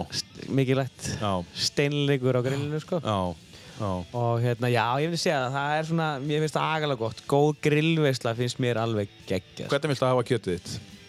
ég vil hafa mitt í um rér sko Já, þú vilt bara blotti. já, Já, vil hafa það þannig sko já, já. og hérna, en svo er ég bara á grillum mat maður sko, Já. ég finnst rosalega gaman að borða góða mat sko ég, sushi? ég borða sushi Já, og panta það reyndar mjög sjaldan já. það hendar mér kannski ekki alveg vel að því ég oft sko borða svo mikið sko Já, já. hérna- já, borðar mikið, þú borðar. já, nei, ég segi svona bara maður er bara já. dullur að reyfa sig og maður er vera dullur að borða Já, einmitt. en nei, ég segi svona, það er hérna mjög sushi mjög gott, en kaupið það eiginlega alltaf sjaldan Já. og er hérna Maggi vinnir minn með mayo, Já. frábær staður og hérna, Heru, er það nýji staður henni í Lagstafshúsi? já, Já, frábær staður Já, ég hef ekki komið þáka. þú voru að prófa það, hann er sko mjög fær sushi gera maður Mm -hmm. og hérna, já, sushi, mjög gott Mhm. en eins og ég segi, ég er bara svona, já, mér, ég er matmaður mér finnst rosalega gott að borða, sko Já. og mikill fiskikall, Já, elska fisk já. og hérna er uh, enn þann dag í dag, sko þá býður mamma okkur fjölskyldin alltaf í fisk, sko já. hverri viku, sko Eins og bara í- núna í kvöld. já, já, það er bara hann, sko Herðu, en segðu mér uh, lambapræmið, en áttuður einhvern svona rétt sem er bara þinn réttur? Þetta er, þetta er það sem ég geri, þú veist. Er eitthvað svo leiðis að? Uh, nei, kannski Nei. svona eitt sko, en eins og ég segi sko, þú veist, þá er þá er hérna já, grillið svona minn vettangur sko ég, En þú drekkur ekki áfengi? Eða hvað? Jú, ég drekk Þú, áfengi, þú drekkur áfengi, en lítið, svona, þú er svona sullari. Já, ég, ég, ég er nú ekki mikið sko, þú veist, ég, segir þessi svona stemningskall Já, færið þér svona, þú ert að grilla, færið eitt kaldan. Já, Já. ekki alltaf sann sko Nei. það er svona bara stemning sko Já. en það er svona, ég er til dæmis sko ekki eins og margir sko að fá sér svona einn og einn og einn eitthvað sko. Nei. ég, ég er ekki það sko Nei, nei. En ég, við erum gaman að vera í góður, góður vinna hóp og taka hérna gott partí, sko. Er gott partí, já. Það er svolítið, ég, sko. Já, ég er í Já. tala, tala um það, sko. Við, í, við byrjuðum á, hérna, mataklúb hérna fyrir fjórum, nei, fjórum ára síðan. Tveimur, þreimur ára síðan. Já, já. Fjögur hjón, og, eða fern hjón og það er ógeðslega gaman. Og maður er svona, þú veist, alltaf að læra meira og meira, sko. Já. það er, þú veist, kunna meta virkilega góða mat, sko. Þetta er skemmtilegt. Er þetta einu sinni í mánu? sko. Nei, alltaf sjaldan út af handbóltanum. Já, er þú er þér að kenna. Já, það er svo, leiði sko En það er bara Það er bara hérna, núna. Já, það er, það er nú bara, kannski bara alltaf verið svo sem lífið bara sko Já, já. Alltaf mista böllum og, og einhverju stemningu sko að, oft sko af því að það er leikur eða eitthvað sko Það er bara einhvern veginn En það er þitt ball. Já, já og þú veist, svo kemst maður á ball sko En þú Kemst á veist, ball skilurðu, alltaf, sko. maður, Já, já. maður kemst, skilur á endanum á eitthvað sko Já, já. maður ræðir þannig upp en maður það er bara þannig, maður kemst ekki alltaf sko Nei, nei. maður er ekki laus við að maður er í sem handbólta sko nei. En þú, þú ert bara rétt að byrja núna. Þú ætlar að halda áfram. Að þjálfa? Já. Já, Já, þú ert bara að taka þín fyrstu skref og þú ert að fara að taka núna uh, svolítið stórt skref, eða ekki? Jú, í ég er að fara að menta mig svolítið meira í þessu Já. og bara hef mikinn áhuga og metnað til þess að bæta mig í þessu sko. Og já, er, hérna, ég er að fara í Master Coach núna og það verður gaman, ég er mjög spennt fyrir því Já. Hva, hvað er það tekið? Það er sko fyrir sunnan og það er gegnum HSI, HSI er að taka þetta gegnum alþjóða handbólta sambandi og hérna Spennandi. Já, þetta verður gaman, gaman. Þetta er nú mikið gegnum neti en, en, en einhverjar lót, lótur fyrir sunnan. Hvað er, þetta langt námið? Eða? Svona, eða þú veist Eitt og hálft ár Já, já, sem þetta tekur. Já, þessi gráða Þannig að þú ert að fara að bæta því við þið núna já, að vera í það. Það verður gaman. Vel gert. það verður, Já, takk fyrir það. En hverju skilar það eh, þér, hva, hva, þú veist, máttu þá fara að þjálfa öll lið í heiminum? Sko, Eða í raun og veru var það þannig að við, við fórum í Europakemna núna Já, og þú veist, við vorum í raun og veru með svona hálgerða undan þáu þú, það hefur verið að setja bara standard núna bara þú þarft að hafa þetta ef þú ert að þjálfa í Europakemni eða yngri landslið eða eitthvað svo leiðis mm. þannig að, þannig að það er að vera það svolítið svona gæðastimpil sem að horti ef þú ætlar að vera þarna þá verður að vera með þetta. Mm. en svo þetta líka horfið bara það að þú veist, þetta er e, náttúrulega bara klárlega tækifæri til þess að bæta sig og, og bara e, kynnast og læra meira. Já, já En þú ert að fara að taka þetta svolítið fast núna. Þú, Þetta er svona skref sem taka áfram núna Já, ég, Finnur þið vel í þjálfuninni? Já, mjög vel. Og hef alltaf gert sko. Ég var að þjálfa þessi yngir flokka hérna, öll þessi ár sko, ógeðslega gaman sko. Og svo var ég að þjálfa uh, uliðin hérna, kalla megin, hérna, alveg í fimm ár. Já. það var náttúrulega orðin svona hálgerður meistarlokkurinn að geðslega, svona Já, gamli annarflokkurinn pluss svona annarkur eldri. -hmm. og þannig að maður komin í svona hálgerðum, já, eða meistarlokksþjálfun Já. og svo komin í þetta núna þjálfa stelpunar í Káðór Mhm. og það er búið að eins og segi, já, ég er búin að læra mikið á því og bara svona kynnast því að þetta er svolítið það sem að ég, ég mér finnst ógeðslega gaman, ógeðslega gefandi og hef mikinn áhuga og metnað bara mm -hmm. til að bæta mig sko. já, já, já. Ég heyri það alveg Já, ég vil gera þetta vel En talandi um metnað og, og, og það uh, ég spurði þið áðan uh, og baði um að undirbúa þig ég veit ekki hvort þú getur svarað þessar spurningu en ef þú fengir að vera einhver annar en þú ert í dag þú ert nú bestur eins og ert en þú veist, þetta er bara svona skemmtileg spurning ef þú, feng, geggjuð ef spurning. þú fengir að, að, að vera einhver Glæsileg spurning sem að, við erum að tala bara einhver í heiminum sem er þín fyrirmynd þá eða Já. sem þú væri til í að Sko, ég hérna er, er, er hann til eða hún? Já, já, ég er alltaf, sko, mín fyrirmynd, sko, ég horfði það sem ég hef hort svolítið mikið til bara að alltaf verið Guðjón Valur, sko, hann var alltaf bara þannig að þegar hann var í Káa, hann alltaf, hann bara hann ungur, þú veist, 19, 20, 21 eitthvað. Og ég hérna bara, hann á mínum mótunar árum bara að horfa á Guðjón Val bara sem einhverja þvílíku hetjina, sko, Já, já, bara maður horfði á Vistarúsæðingar hjá Káa og bara horfði bara á hann, sko. Já. svo, svo vildi maður stæla hann bara að vera eins kliftur og hann og alltaf og reyna að herma eftir hreyfingunum og skotunum og eitthvað. Náður því að? já, já, Já. hann var svona, svona hundra sem betur en ég ég. En það er hérna frábær íþróttamæður ótrúlegur íþróttamæður og bara svona karakter taldu það að vera ekki sattur sko, spilaði á þessu level í öll þessi ár sko, og alltaf deliveraði sko 20 pluss ár Já, já, markaðist sko, landslýsmaður í sögunni það, er- það er gott afreg Það verður ekki slegið sko Nei, ég held þér aldrei En ert að nefna hann þá eða? Ég held ég segi bara Guðjón Valur sko. nú er hann byrjað að þjálfa einmitt Já. gaman að hérna og hérna verður gaman að fylgjast með honum í því Hvað er hann að þjálfa? hann er að þjálfa Gúmusbakk í Þískalandi Já, og hann er að fara, hann er að fara í þjálfurina leðina, þjálfurina leðina líka hann er að fara líka það sko. og hérna já, Er hann að fara með þér í námið? hann er að fara reyndar einmitt í þetta Master Coach. Já, það verður gaman sko. Það Já, já, já verður gaman, hann er nú örgulega að hlusta á þetta maður heldur það ekki? Jú, alveg pottet. Guðjón Valur er búin að hlusta á alla þettina því Já, og það er sérstaklega þannig að Guðjón gaman að heyri þér. En, en þetta er náttúrulega bara heiður bara fyrir hann að fá, að þú gast valið hvert sem er sko. Já, ég er svona, er, já, já, það? Já, já, já, já, við hann alveg- oft? Já, já, ég þekki Guðjón Val alveg, sko. Það er alltaf svo stjörnir auðvitað þú hittir hann Já, þetta er svona að fyndi, sko, því að, þú veist, ég man svo vel eftir þessu, bara, þú veist, maður er ennþá, manlega eftir að vera þarna, bara, þetta var bara gæðin sem bara, ég veit allir að vera eins og, eins og Guðjón Valur maður. Já Það er bara þannig, sko, það er alveg þannig, sko. Og þið eru enda bara saman núna, þið eru að fara í, í sama, pro, sama, sama námið Sama námskeið, sko. Fyndið, Hann er að vera sko. Gúmisbak, sko, hann er svolítið stórt, sko, en Já, já, Þú nú bara rétt að byrja Já, já. En ég, já, veistu það, ég fer bara í barndóminn minn, bara hérna. Guðjón Valur. Já, það er gott svar Já, Gott svar. Um, hvað að fara langt í þjálfun? Hva, hvað ætlar að fara? Ætlar að fara ætlar að halda þig við Ísland eða væru til í að fara eitthvað elendis?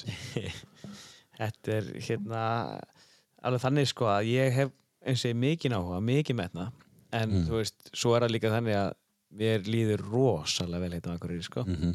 Alveg rosalega vel Akureyri er búin að koma mér ansi vel fyrir og, og svona þetta er eitthvað sem að var, ég er ekki beint mikið búin að spá í sko Og ekki tilbúin að svara. Nei, nei, bara þú veist, það er allan eitt sem er ljóst að þú veist, það er að, með, þú veist, maður hefur metna og svo tekur maður námskeið, þetta námskeið og, Mm -hmm. og heldur um að þjálfa og svo bara svo bara eru alls konar bara möguleikar kannski bara að Já. sk- skoða eitthvað, hvernig það verður ég, Já. þú veist, allan að sé fyrir mér allan að mér langar að uh, langar að vera á Akureyri, sko, það er alveg já. en þú veist, ég væri til að taka yngri landslið og Mhm. svoleiðis, ég sé það alveg fram á næstu árum sko. Já, já. það er alveg þannig, en svo bara verður eitthvað að koma í ljós bara. Já, mér, það er ekki að líta fram hjá áragnum og síðast ári, sko. Það er bara ekki hægt að gera það, sko. Þannig að ef þú ætlar að halda þannig áfram, þá eru það viðbúin því að taka einhver, einhver símtöl sem að það er kannski mögulega einhver útlendingur í símanum. Mögulega, sko. það er mögulega aldrei sé aldrei, aldrei sé aldrei Erðu, það eru nokkulega eftir, við skulum, e, við skulum eh, taka næsta lag. Hvað eigum við að taka? Við ætlum að enda þessu hérna lagi, við skulum ekkert segja hvað það er. Það er þetta hérna lag. Já. Og þá eigum við þetta hérna eftir. Við erum að fara að taka sko, eina íslenska lagi sem er á listanum. Já, já. Það er hérna Jónas Sig Mm og það er tónlistamæður sem ég held mikið upp á Já. og mínir vinir, minn vinahópur, við erum hérna á bara eiginlega öllum tónleikum á græna hattinum með Jónas Sig. Við erum fremstir bara. og- Þið eru bara, og hann þekkir ykkur. Já, hann þekkir okkur og vel sko. Við erum bara alltaf þarna fremst Og þið eru mættir. og Já, já. bara, hann er geggjaður þvíleikir hérna textar og, og bara geggjur tónlist sko. Já, mikill tónlistamæður og svona alveg blóðborinn tónlistamæður, sko. Já, bara, Bara artisti. þetta er bara hérna, klár gæi, það er bara svo leið sko. Já, já. Hann er það, sko. Já. Já, já.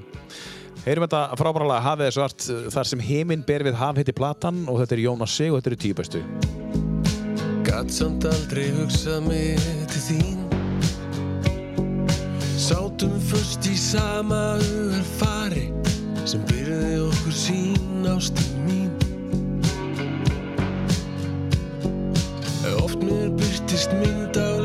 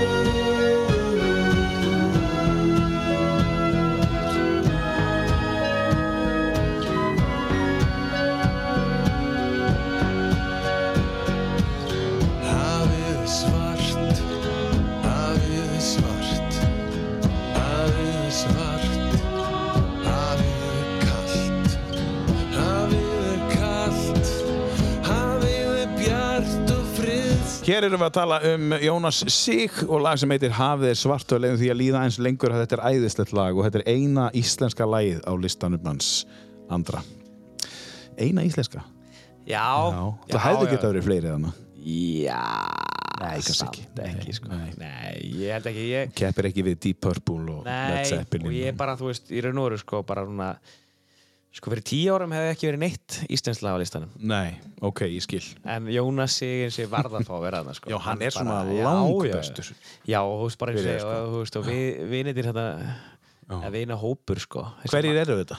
Þetta er hérna þetta er hérna, eiginlega mattaklúburinn sem ég var að tala um að Já, þetta er Mandaklúburinn. Þetta er ég og Rest, hérna, og kona mín við erum saman með hérna, fjórum hjónum það er Heimir Átna og Marta Mm -hmm.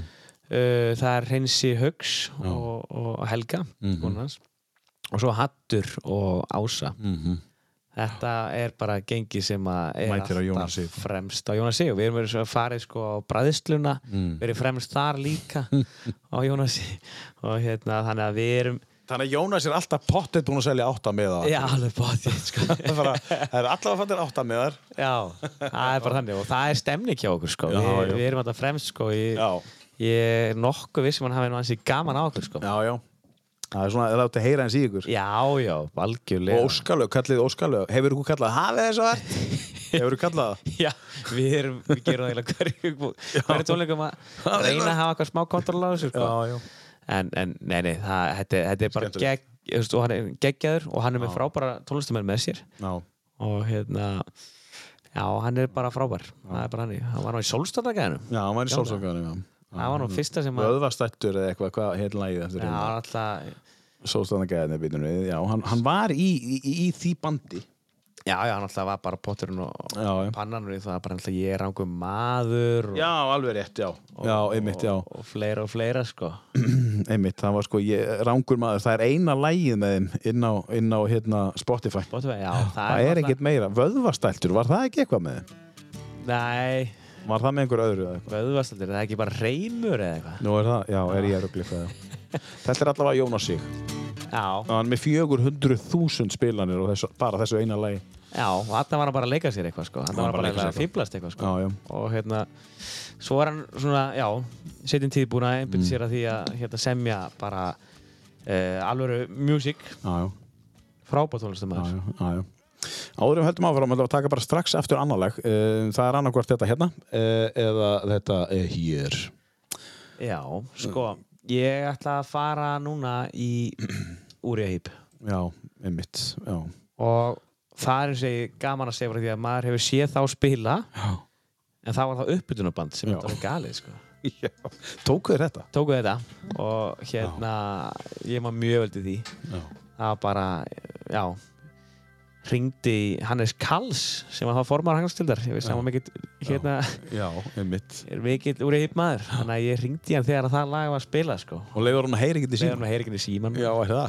2007 með eitthvað glæsilega síma Já, já, já, mitt. Þetta lag heitir July Morning. Og heyrir hérna byrjununa. já þetta er náttúrulega bara snill sko. With a little help from my friends, hérna, Joe Cocker. Þetta, þetta, er, þetta er ekkert ósvipu byrjun nema Joe Cocker er á eftir honum, sko. já, já, já, Ég vant að halda því fram að hann er, hann, hann er að fá lána, sko. hann er að fá eitthvað já. Getur, getur verið að fá eitthvað lánað. ég er hættur um það sko. Þetta er geggjala og. Og uh, mikið spila ef ég fæ að stjórna í svona eftirpartíum. Já, já, er eftirparti? Já, í gamla Já, í gamla dag. Já, já, það er búið núna. Það er búið. Já, heyrim þetta frábæra lag, eh, Brotur í, þetta er þetta 8 mínútur, þannig við leiðum í að rúlla undir þegar við komum inn á eftir og heyri þetta hvað er flott maður. Uss. Uh, eitt hérna áður við byrjum. Um, ferðu á tundufréttir? Já, ég, ja, ég fór á það, ég hef ekki farið á það í mörg ár. Ég fór á það. þeir taka þetta stundum. Já, já. Alveg sko bara upp á tíu. Sko. Já, já, þeir eru bara snillingar Já. líka. Hlustum á það.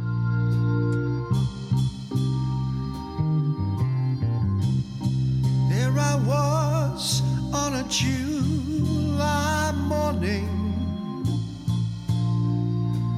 looking for love, with the strength of a new day dawning and the beautiful sun.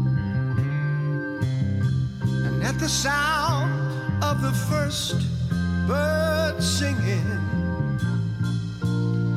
I was leaving for home with the storm and the night behind me. And the road of my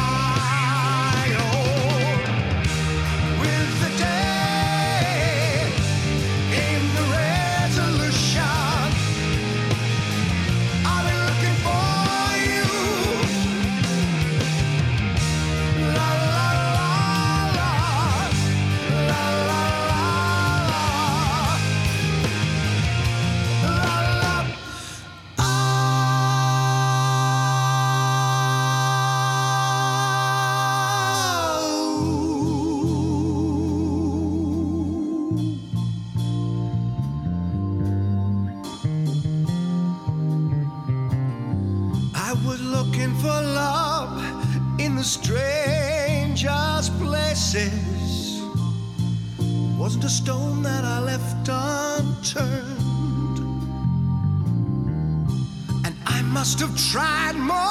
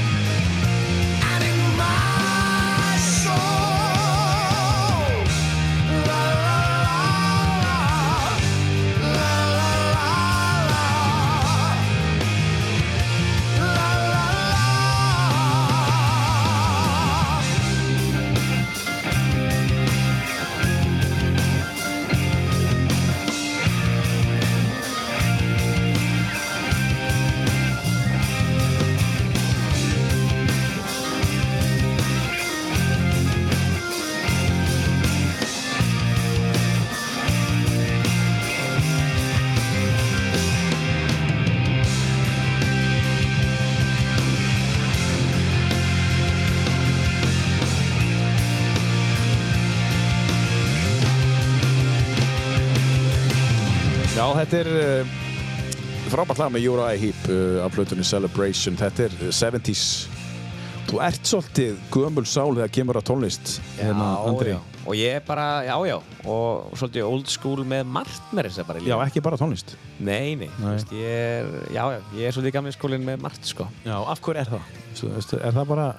Ég veit ekki, ég er svona held stundum að það sé kannski að því að ég er sveitastar okkur í grunni, sko. Já, Var hérna fyrstu öllu orðin bara, eins og í sveitinni á Eyðum, sko. Ég held það. já, Það hafi svona mótað mann svolítið meira en maður gerir sér grein fyrir, sko. já, einmitt. En ég er bara, já, já, ég er gammaldags með margt, sko.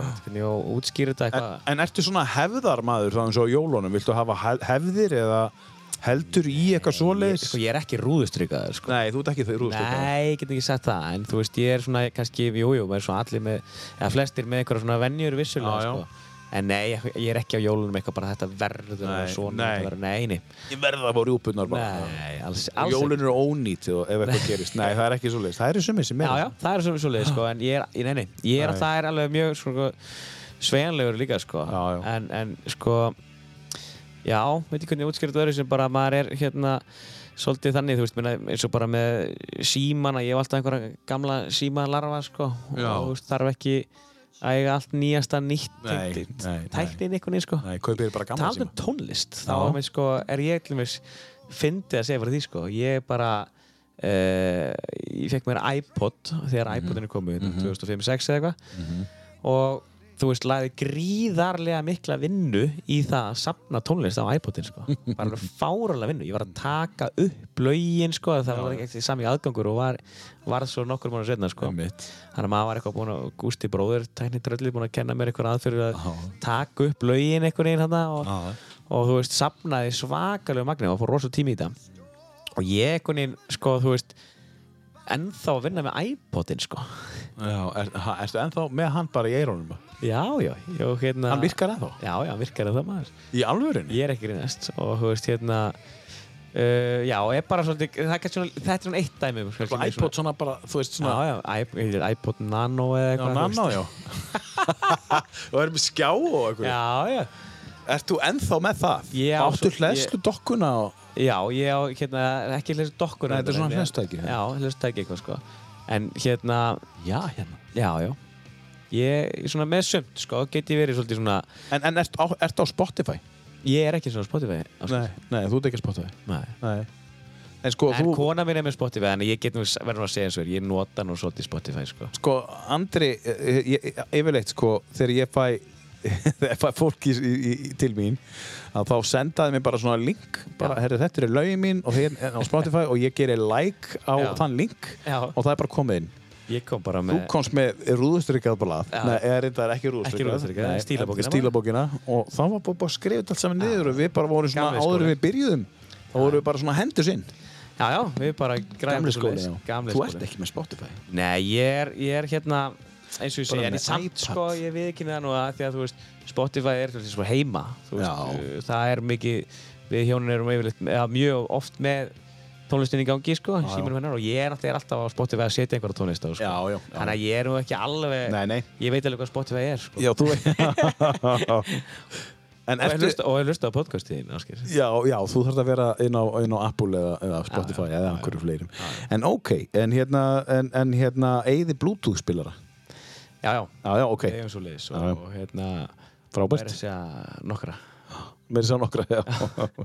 Ok, það er gott að vita það. Já, já, en ég er þú veist bara, þú veist, Instagram, ég, hérna, Nei. Ég byrjaði á Instagram fyrir tveimur árum af því að það var einn sem bara félagið mér sem sagði bara Næ, halló Andri, Já, þetta er ekki hægt sko. Nei. Bara ríðu í gang bara á Instagram. En ég er með null post sko. Já, já ég get ekki Instagram sko. Ég, bara, ég er þarna.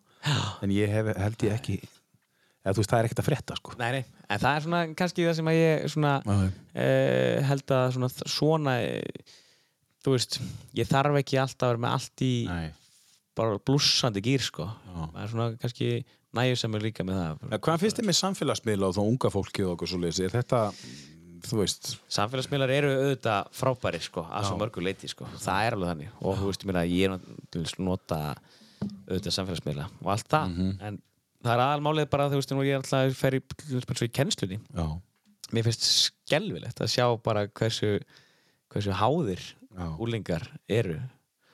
Uh, bara, bara þetta er svo mikil já, vani og bara þú veist, þetta er trublar bara einfallega, einbyttingu í skólanum. Já, og svo er alltaf bara fullanda fólki er ekkert ne- neitt skárra sko, Nei, ofta tíðum. Og þetta er, þetta er bara þannig málið, sko. þetta er svona ha- hanna til þess að vera, verða háður þessu sko.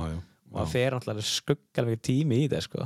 Og, og ef ég sé alveg eins og er þá svona, veist, ég vil ekki eða á miklu tími í þetta. Nei. en auðvitað samfélagsmiðlar eru frábærir og sniðir og allt Mhm. það. En eins og ég segi, mér finnst aðeins þegar maður finnur það þetta er að taka karakterin úr Já, fólki sko. Já, og bara þetta er að verða einhverju búðingar sko. Já, já, vel orða Já. En þú veist, það er bara þannig. En, en, en sko, það var einhver sem einhvern tíðan sagði að þetta væri bara eh, eins og Facebook, þetta væri náttúrulega bara þetta er ekki raumurleikin, þetta er bara tölvuleikur. Já, og þetta er náttúrulega bara tölvuleikur. Þú bara ákveður að stökka einhver tölvuleikur svo fara bara í Candy Crush eða eitthvað, skilur við, Já. bara fara að tjekka og þú veist að því að raumurleikin er það sem er að gera þetta bara millir mín og þín akkurat núna, Já, já. þú veist og, og hérna, og, og þið setjum út í bíl og kerum heim og eitthvað svona og, Já. og, og hérna, jú, þið erum heima og njóta þess að hlusta á tónlist í getinu Spotify og svona já, já. en raunveruleikin er náttúrulega ekki að, að, að, að vera tjási í gegnum Nei og einhvern veginn þurfa alltaf að tjekka hvað aðrir eru að gera eru að gera, sko, já. og virkilega svona háðu því og, og þú veist, já bara einhver svona fróða sem er Já. allt í hennu farin að taka á, manni bara hugmyndir og, og svona sjálfstæða hugsun sko Já, bara, það er ekki gott sko það er ekki gott Nei. og veist, eins og ég segi bara líka e, mann að glíma við þetta í skólanum bara eins og ég segi sko, þú veist að í tímum einhvern veginn það er alltaf að vera að tjekka og í staðan fyrir bara að taka 40 myndur og þú bara þú bara reiknar þessi í þessar 40 myndur dæmiðin sko eða eitthvað, það er bara, það er alltaf eitthvað neina kíkja og tjekka og... En bara svona milli okkar hérna, uh, það fennu ekki lengra. Uh, Hefur þetta eiga við leikmennina þína og taka svolítið fyrir með þetta? Nei, Nei. ég hef ekki þurft þess sko. Nei, það er jákvætt. ekki, sko. en hérna uh, það er bara ná, ég hef ekki þurft að fara inn, inn á það sko. En, en það eru ofsalega duglegar stelpunar sko Já, það eru með hérna, einhvað Instagram hérna, síðu fyrir liðið og, Já, og gera það heldur vel sko Mhm. og hérna en nei, nei, ég hef ekki farið inn á þá breytið með, með leikmönnum sko. Nei, þú kemst kannski ekki á þann stað sem leikmaður sem er með fjóra titla eftir eitt ár ef þú ert að hanga á samfélagsmiðlum. Já, Það er já, basically bara, það, það, þú veist, sko, Þú kemst ekki þangað. ég, Þegar ég var að þjála þriðaflokk kalla, fyrir nokkrum árið síðan eða bara, já, þreymur fjórum árið síðan þá þurftum við eins og að taka þetta svolítið fyrir sko. Já, einmitt. Og þar var það bara þannig að bara rétt fyrir leik þegar maður á að vera að Á hanga á þá að vera að bara Já. já, tjekka og senda einhverja myndir að sér okkur þegar og, maður að og hafði áhrif á Já, maður ma finn, finnur það bara. Já. þá er bara einhvern veginn ekki hausinn alveg til staðar að vera undirbúið sér fyrir leik þar sem maður á að vera að gýra sér í það að vera með allt í, allt í gangi sko, bara leikurinn núna sko, og bara þú veist einbyttingi sko Talað um einbeitingu, stundar einhvers konar þannig uh, er, átt, áttu stund með sjálfur á hverju degi eða reglulega þar sem þú veist vera ekki með neitt nema bara sjálfa þig út að lappa eða 15 mínútur hér eða 15 mínútur þar ertu í, ertu í svona einhverju andleiri þengjunum? Já, ég, ég sko, maður, maður reynir það auðvitað að hérna, ná svolítið að núlstilla Mhm. að maður þarf að gera það, sérstaklega maður er að vinna eins og ég, þú veist, maður er að gefa af sér allan daginn, maður er Mhm. Akkurat. að kenna og maður er að þjálfa og svo náttúrulega er maður bara náttúrulega maður er með þrjú lítil börn og, Já. og það fer fullt af fullt af hérna orku í það og þú veist, maður þarf alveg að virkilega sér að sjálfum sér og þú veist, allt það en það er oft bara, þú veist, maður er að halda hans í mörgum boltum loft, lofti Já. og hérna ég reyni alltaf, jújú, jú, að gefa mig tíma og eins og sé, alltaf að gefa mig tíma líka til að hlusta tónlist, sko, Já. Veist, það er svona mitt, sko, og, Já. þegar ég er að æfa það er svona, Já. þá næ ég svolítið að hugsa, þú veist, og mér finnst gott að vera út að hlaupa. Já, þú veist, núna eftir hættir að spila mér finnst gott að fara og hlaupa og þá næ ég svolítið að svona, já bara fá svolítið mitt Mhm. svigrum í að hugsa. Mhm. Já, það er, það er það sem að hlutinir gerast. Já, já, já Má segja algjörlega, sko. algjörlega, algjörlega. En ég hef ekki verið ég hef ekki verið mikið í jóka eða eitthvað svoleiðis en, en, en hérna en það er eitthvað sem ég hef klárlega áhuga á að gera einhvern tíma Já, já. ég, ég finn það alveg í mér sko. Já, en það er ekki, ekki núna sko. Nei. Stevie Wonder í jóka bara, bara alveg stífur með bakið og allt maður og eru flottur í svona jóka nýtra, sko það er? Það er svona að þú leggst bara á teppi og þú bara vera að liggja í 40-50 mínútur. Já. þú mátt bara ekki sopna, en þú ert að fara alla leið niður að því, einmitt. Það er æðislegt. Já, ég þetta prófað, ég fór í jóka eitthvað þessu tengt sko sem þú ert að lýsa, hérna með konu minni fyrir fimm ára síðan, Æðislegt. hún var að prófa þetta en ég steinsofnaði sko. Já, það málum ekki það sopna mátti ekki sko. En, en þannig að ég fann það ég, ég, ég fjall á því prófið Já, já, já, já, þú er bara að fara oftar. Ég er að fara það er að læra þetta Já. Herru, við eigum uh, tölu eftir og við ætlum að setja næst síðasta lagið á og þú segir okkur kannski hvað þetta er. Já, þetta er Coldplay og þú veist ég sko til lagið Paradise og þetta lag einhvern veginn fær mig alltaf til að líða virkilega vel. Þetta er, það er bara hannig, þú veist, þetta Mhm. kom út þegar ég bjóð í Danmarku Mhm. og ég hef hugsað að hlusta á þetta ansi oft. Já, og einhvern veginn, ég veit það ekki, það læ- lætur mig líða vel. Ég held Já. sé bara einfaldast útskýringin, frábært lag. Er þetta lag svona sem minnir á Danmark? Ánspöks, já, Já, ég tengi það Já, við það. Það var eitthvað að ég hef undirbúið mig fyrir daginn í Danmarku já, Þetta er svona stórt, þetta er svona þetta geti verið svona lag þegar þú er búin að vinna eitthvað. Já, það skilur við. Sammála því. Já. kannski við fáið Gustaf bróður í setjum því Já, Næsta já, vídeó. einmitt. Herru, uh, hlustum á þetta lag uh, Svo komum við inn og við ætlum að spyrja Andra á eftir svona hvernig árið leggst í hann.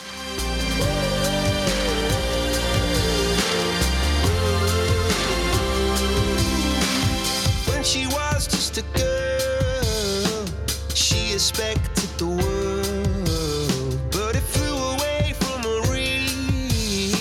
she ran away in her sleep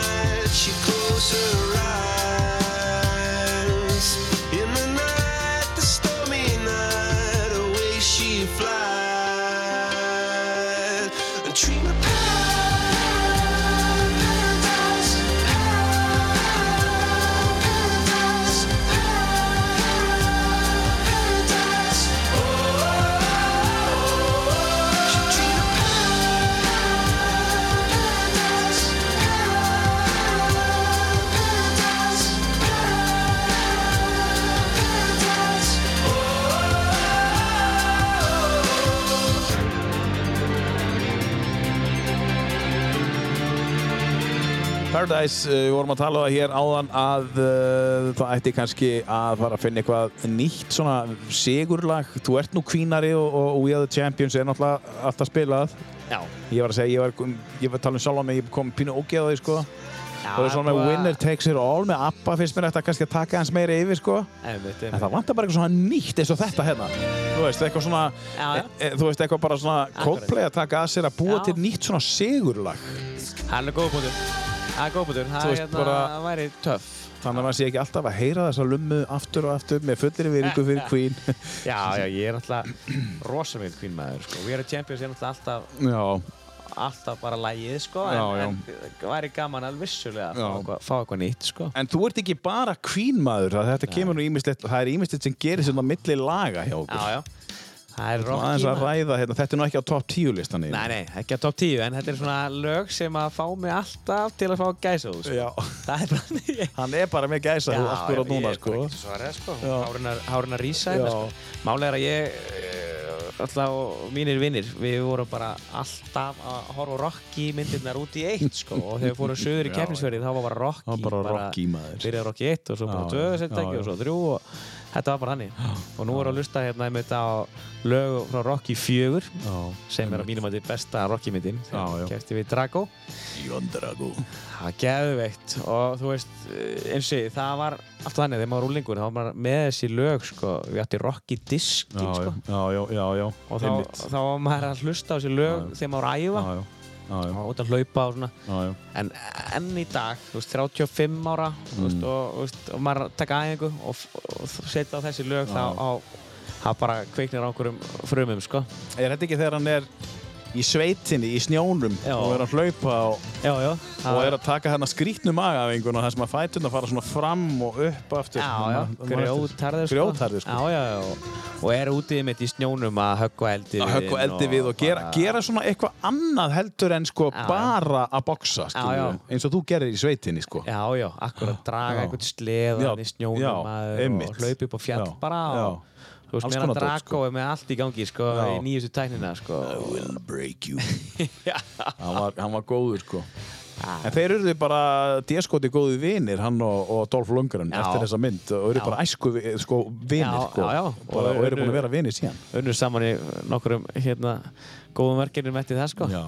Dolph Lundgren maður líka geggjaður sko. Já, geggjaði sko Herðu, en, en uh, við erum eitt lag eftir og, og, og, af listaninum og ég tekka fram á þetta er nokkað ekki beint á listaninum en þetta er bara, þetta er Rocky og, og þú fílar Rocky og það kom fram hér uh, milli laga á hann, ég var bara einhvern veginn að leiða ykkur að heyra það en, en hérna, ég veit ekki ekkur um, Árið, hvernig leggst árið í þið, þjálfarilega séð fjölskyldulega séð, COVID-lega séð, hvað er framundan? Þú veist, hvernig verður þetta núna fram að sumri, svona, þú brýtur þetta eins niður Herra, þetta verður virkilega gott ár Já. og það er bara hannig. Ég er mjög spenntur. Það er eins og segi, það er nóg framöndan. Það verður mikið að gera í handbóltanum allan hjá mér. Já, Ég er að fara í fæðingarólof. Já. Ég er að fara í fæðingarólof í februar, mars og april og það er geggjað. Það, það verður bara handbóltið þá? Já, og bara pappi maður. Pappi, já. Ó, geggjað. Það verður sko, ég og, ég og kona mín, Kristín Hanna, við ætlum að vera saman í fæðingarólofi. Og indislegt. Bara geggjaði tími og sem bara þetta er líklega síðasta barnið okkar sko. Þannig að við sem bara ok, þó að fjárhagslega kannski glóralöst, þá hérna geggjað að vera bara saman. Já. af því að það er líka svo mikil tími sem fer í handbólta Já, já. að hérna, það er bara geggjað er, ég verð alveg Ó, fæðingarálu í kennslunni og við verðum munum bara að hafa hafa það gott, fara í guggutúra og alls konar svoleiðis og hérna svo þetta bara verður allt á miljón í þjálfurinni Já, já. ég Uh, já, við erum að spila fimm leiki bara, bara núna í janúar sko, og Já. annað eins í februar sko, þannig að það er bara leikir í hverju viku og, og hérna margt því tengt sem að vera Mhm. bara gaman og svo er alltaf eins og ég Mastercoach dæmið það byrjar í februar Já. og það verða nokkur uh, námskeið og þetta verkefni og nóg að gera Já. svo bara fjölskyldan, þú veist, það er bara dásanlegt að vera pappi eins og ég segi og eiginmaður sko. Já, já. og við erum hérna að fara nýta þau tækifæri sem gefast til að gera bara eitthvað aðeinslegt og einfalt líka bara það er í sundmaður og Æðislegt. geggjað Það er þrjá mánuði bara til að gera bara já, eitthvað. já, geðveikt Vakna saman að fá sér bara kaffi á mótnana, sitja og slaka Já. á, bara lefa Sko, börnunum að vakna eða Já. þú veist þessi yngsta. Já, nú er það þannig sko, ég er alltaf bara með svolítið margar bolt að að halda þeim á lofti og það er auðvitað svolítið svona dús, dús, dús, dús program Já, já. Þannig að það verður gott að Já. geta svona aðeins slakað á í sambandi við það að hafa aðeins meiri svigrum tíma og hérna minna stressa mótnana og svona. Einmitt, Já. geggjað, ég er mjög spennt fyrir því. Hendar þetta samt það sem að þú ert að gera núna, allir þessi boltar á lofti, hendar þetta þér betur heldur en uh, það sem þú ert að fara að gera í þrjá mánuði núna, þú veist að það tekur enda? Já, já, ég, Eh, ég algjörlega, ég já. fungera rosalega vel þegar það er bara mikið að gera. Já. mér finnst, mér finnst hérna Já. já, það er maður ekki bara duglegur. Mér finnst bara gaman að hafa nóg að gera og, og hérna algjörlega. En stundum, ég hef alveg stundum tekið of mörg verkinn að mér sko, það sem maður er of mikið að gera, við ekki það. Maður er ekki lært á því, en maður er svona að reyna að balansera þessu. En, en hérna, já algjörlega, því að maður, þetta er bara tímabundið þess að Já. þannig og maður veit það. Þannig að maður ætlar að njóta þess og maður kann að kunna að njóta þess. En já, ég myndi segja það, ég fungera mjög vel þegar það er mikið að gera sko. Já. Það er bara uh, svona svolítið þú. Já, það er alveg þannig. Ég, ég er, eins og ég sagði, lílur eitthvað svona hanga eða liggja, sólbæði eða eitthvað. Nei, Það það er, gengur bara ekki upp. það er ekki alveg ég sko. En Kristín Hanna, hún, hún fílar það svolítið svona, hún, það er hennar frí. Svona, Já, hún bara- elskar hérna sólina sko. Að- hún er, svo ég takk ég hann skýrt fram líka, mjög dugleg sko. hún er mjög dugleg, já. Það er þannig. En hún elskar að fara í, í sólina og, og bara sóla sig sko. Já. Það hefur ekkert með letið að gera, það er bara með hvernig fólk nýtur tíma. Já, já, það er akkur þannig. Og við fáum ekkert oft mikið sól hérna á Íslandi sko. síðan sem var gott. þó við fengið þetta síðan sumar sem var náttúrulega alveg ótrúlegt, þetta var ótrúlegt, djöður þetta gott maður. við vorum að mála húsið að utan já. og það var, Já, það var magnað, maður var bara, bara stöpusum, Já. að mála húsið Já. dag eftir dag bara og eitthvað neinn og tónlist Já, gott tónlist, já. En, en segðu mér, hérna, hvernig verður sumarið? Hjá þér og ykkur. hjá okkur, góð spurning ég, sko, við erum alltaf með eitt bara pínlítinn, fjara mánu Já. og ég reikna með að vera ekkit mikið blast á okkur í ykkur ferðalögum en svona, þú veist, bara notið þess að að vera í, Mhm. í hérna, einhverju fríi saman og jú, jú, auðvitað fara eitthvað fara eitthvað austur maður Já, já. á gömlu heimaslóðunar Já, og heimsækja já, já. alla ættingja og svona fyrir austan, það verður gaman og svo auðvitað bara mikið að vinum fullt af vinum, við erum hérna svona félagsverður mik mikil sko, þannig að það verður bara líka gaman að grilla og hafa gaman sko Já, menna matarklúburinn, hann, hann heldur áfram. já, já, og fara tónleika með Jónas í sig og Jónas er sig, og- já, já. Og kannski gefa aðeins í matarklúburinn, fara aðeins, hittast aðeins oftar. já, jú, ég, algjörlega Já. við þurfum að gera það Já. Er þú svona gæinn sem sér um það? Eða í þessum, Eh, myndur þú segja að það verður þú sem sendir þann e-mail? Nei, það er eiginlega ekki ég sendir kannski ekki e-mail í dag? Nei, þetta er svona Facebook-grúpa einhver sko. Nei, ég er eiginlega ekki sko þar af því að þú veist, ég er uh, hérna Nei, ég er einhver ekki Það er, það er hérna frekar aðrir í hópnum sem eru svona Já. með hérna Með stur på det sko stúr ég- på det, já. en ég hérna ég er svona stemniskallin Já, stemmiskallina. held upp í stuðinu, Já. léttleikan það á ekkert eftir að breyðast. Nei, Þú ert, uh, við ætlum að enda þetta á, uh, þú ert búinn að fara á tónleika með þessu bandi? Já, ég fór á tónleika með Ramstein hérna 2017 það var geðveikt og það var sko uh, magnað að finna svona bara kraftin Já. þýlir, sko, þýlir, já, þýlir kraftur í þessu bandi Já. alveg power Já, og svo þéttir. Þéttir og, og bara, eh, svo var maður, við vorum framalega, ég með vinnum mínum og þú veist, maður bara var ekki með augabrúnir eftir þetta, sko, eldbombur og þú veist, þetta var Já, og líka bara sjó. Já. Hverfur bara alltaf andlitinu. Já, algjörlega. Já. En Ég- þú kvartaðir ekki? Nei, ég kvartaði alls ekki Nei. og hérna, ég held að þetta sé svona, eh, þetta eru þéttustu tónleikar sem maður hefur nokkuð tíma farað á, sko. Já. Munt kannski ekki fara á mikið þéttari tónleika? Nei, ég held ekki, sko. En þetta eru, þetta eru snillingar og líka, sko, þegar ég var, hvað, 15 ára eitthvað leið, sko, þá voru þeir komið til Íslands, sko, og þá voru náttúrulega voru orðnir mjög stórir og ég, ég, hérna, átti einhverja nokkra plötu með þeim og þetta lag var svolítið svona mitt rámstæðlega. Já. Og er? Sonne. Já. Já. Já. Sonne, er það ekki bara sól eða? Jú, ekki? Já, ég segi það. Sól framöndan. Sólframöndan. Já. Andri Snær, bara frábært að hafa þig. Takk fyrir að koma í tíu bestu. Takk kærlega fyrir mig. Já, meiri áttar að fá að uh, grenslast í, í hérna, þinn tíulega lista og bara fá að vita og kynast það betur á, á, á, á þessu leveli. Gangi ég vel í, í hérna, fæðingarólunum með litla strákin og um, með þjálfunum. Það er engin pressa á sama árangur á síðast en reynið samt að, að tapa engun leik. Við ætlum að bæta okkur áfram. Já, það bæta okkur áfram. Já. takk kærlega fyrir þetta áskæði. Það var mjög gaman og takk kærlega fyrir mig og, og bara sömu leiðis. Takk fyrir það og, og kæri hlustandi, takk fyrir að hlusta á tíu bestu þú finnur okkur á Facebook líkað við þáttinn, þannig að fara að vita nákvæmlega hverjir er að koma uh, hverju sinni og þá farið bara að skila búið síma en við endum þetta á þessu frábæra rock'n'roll hér. Sonne Ramstein, takk fyrir að hlusta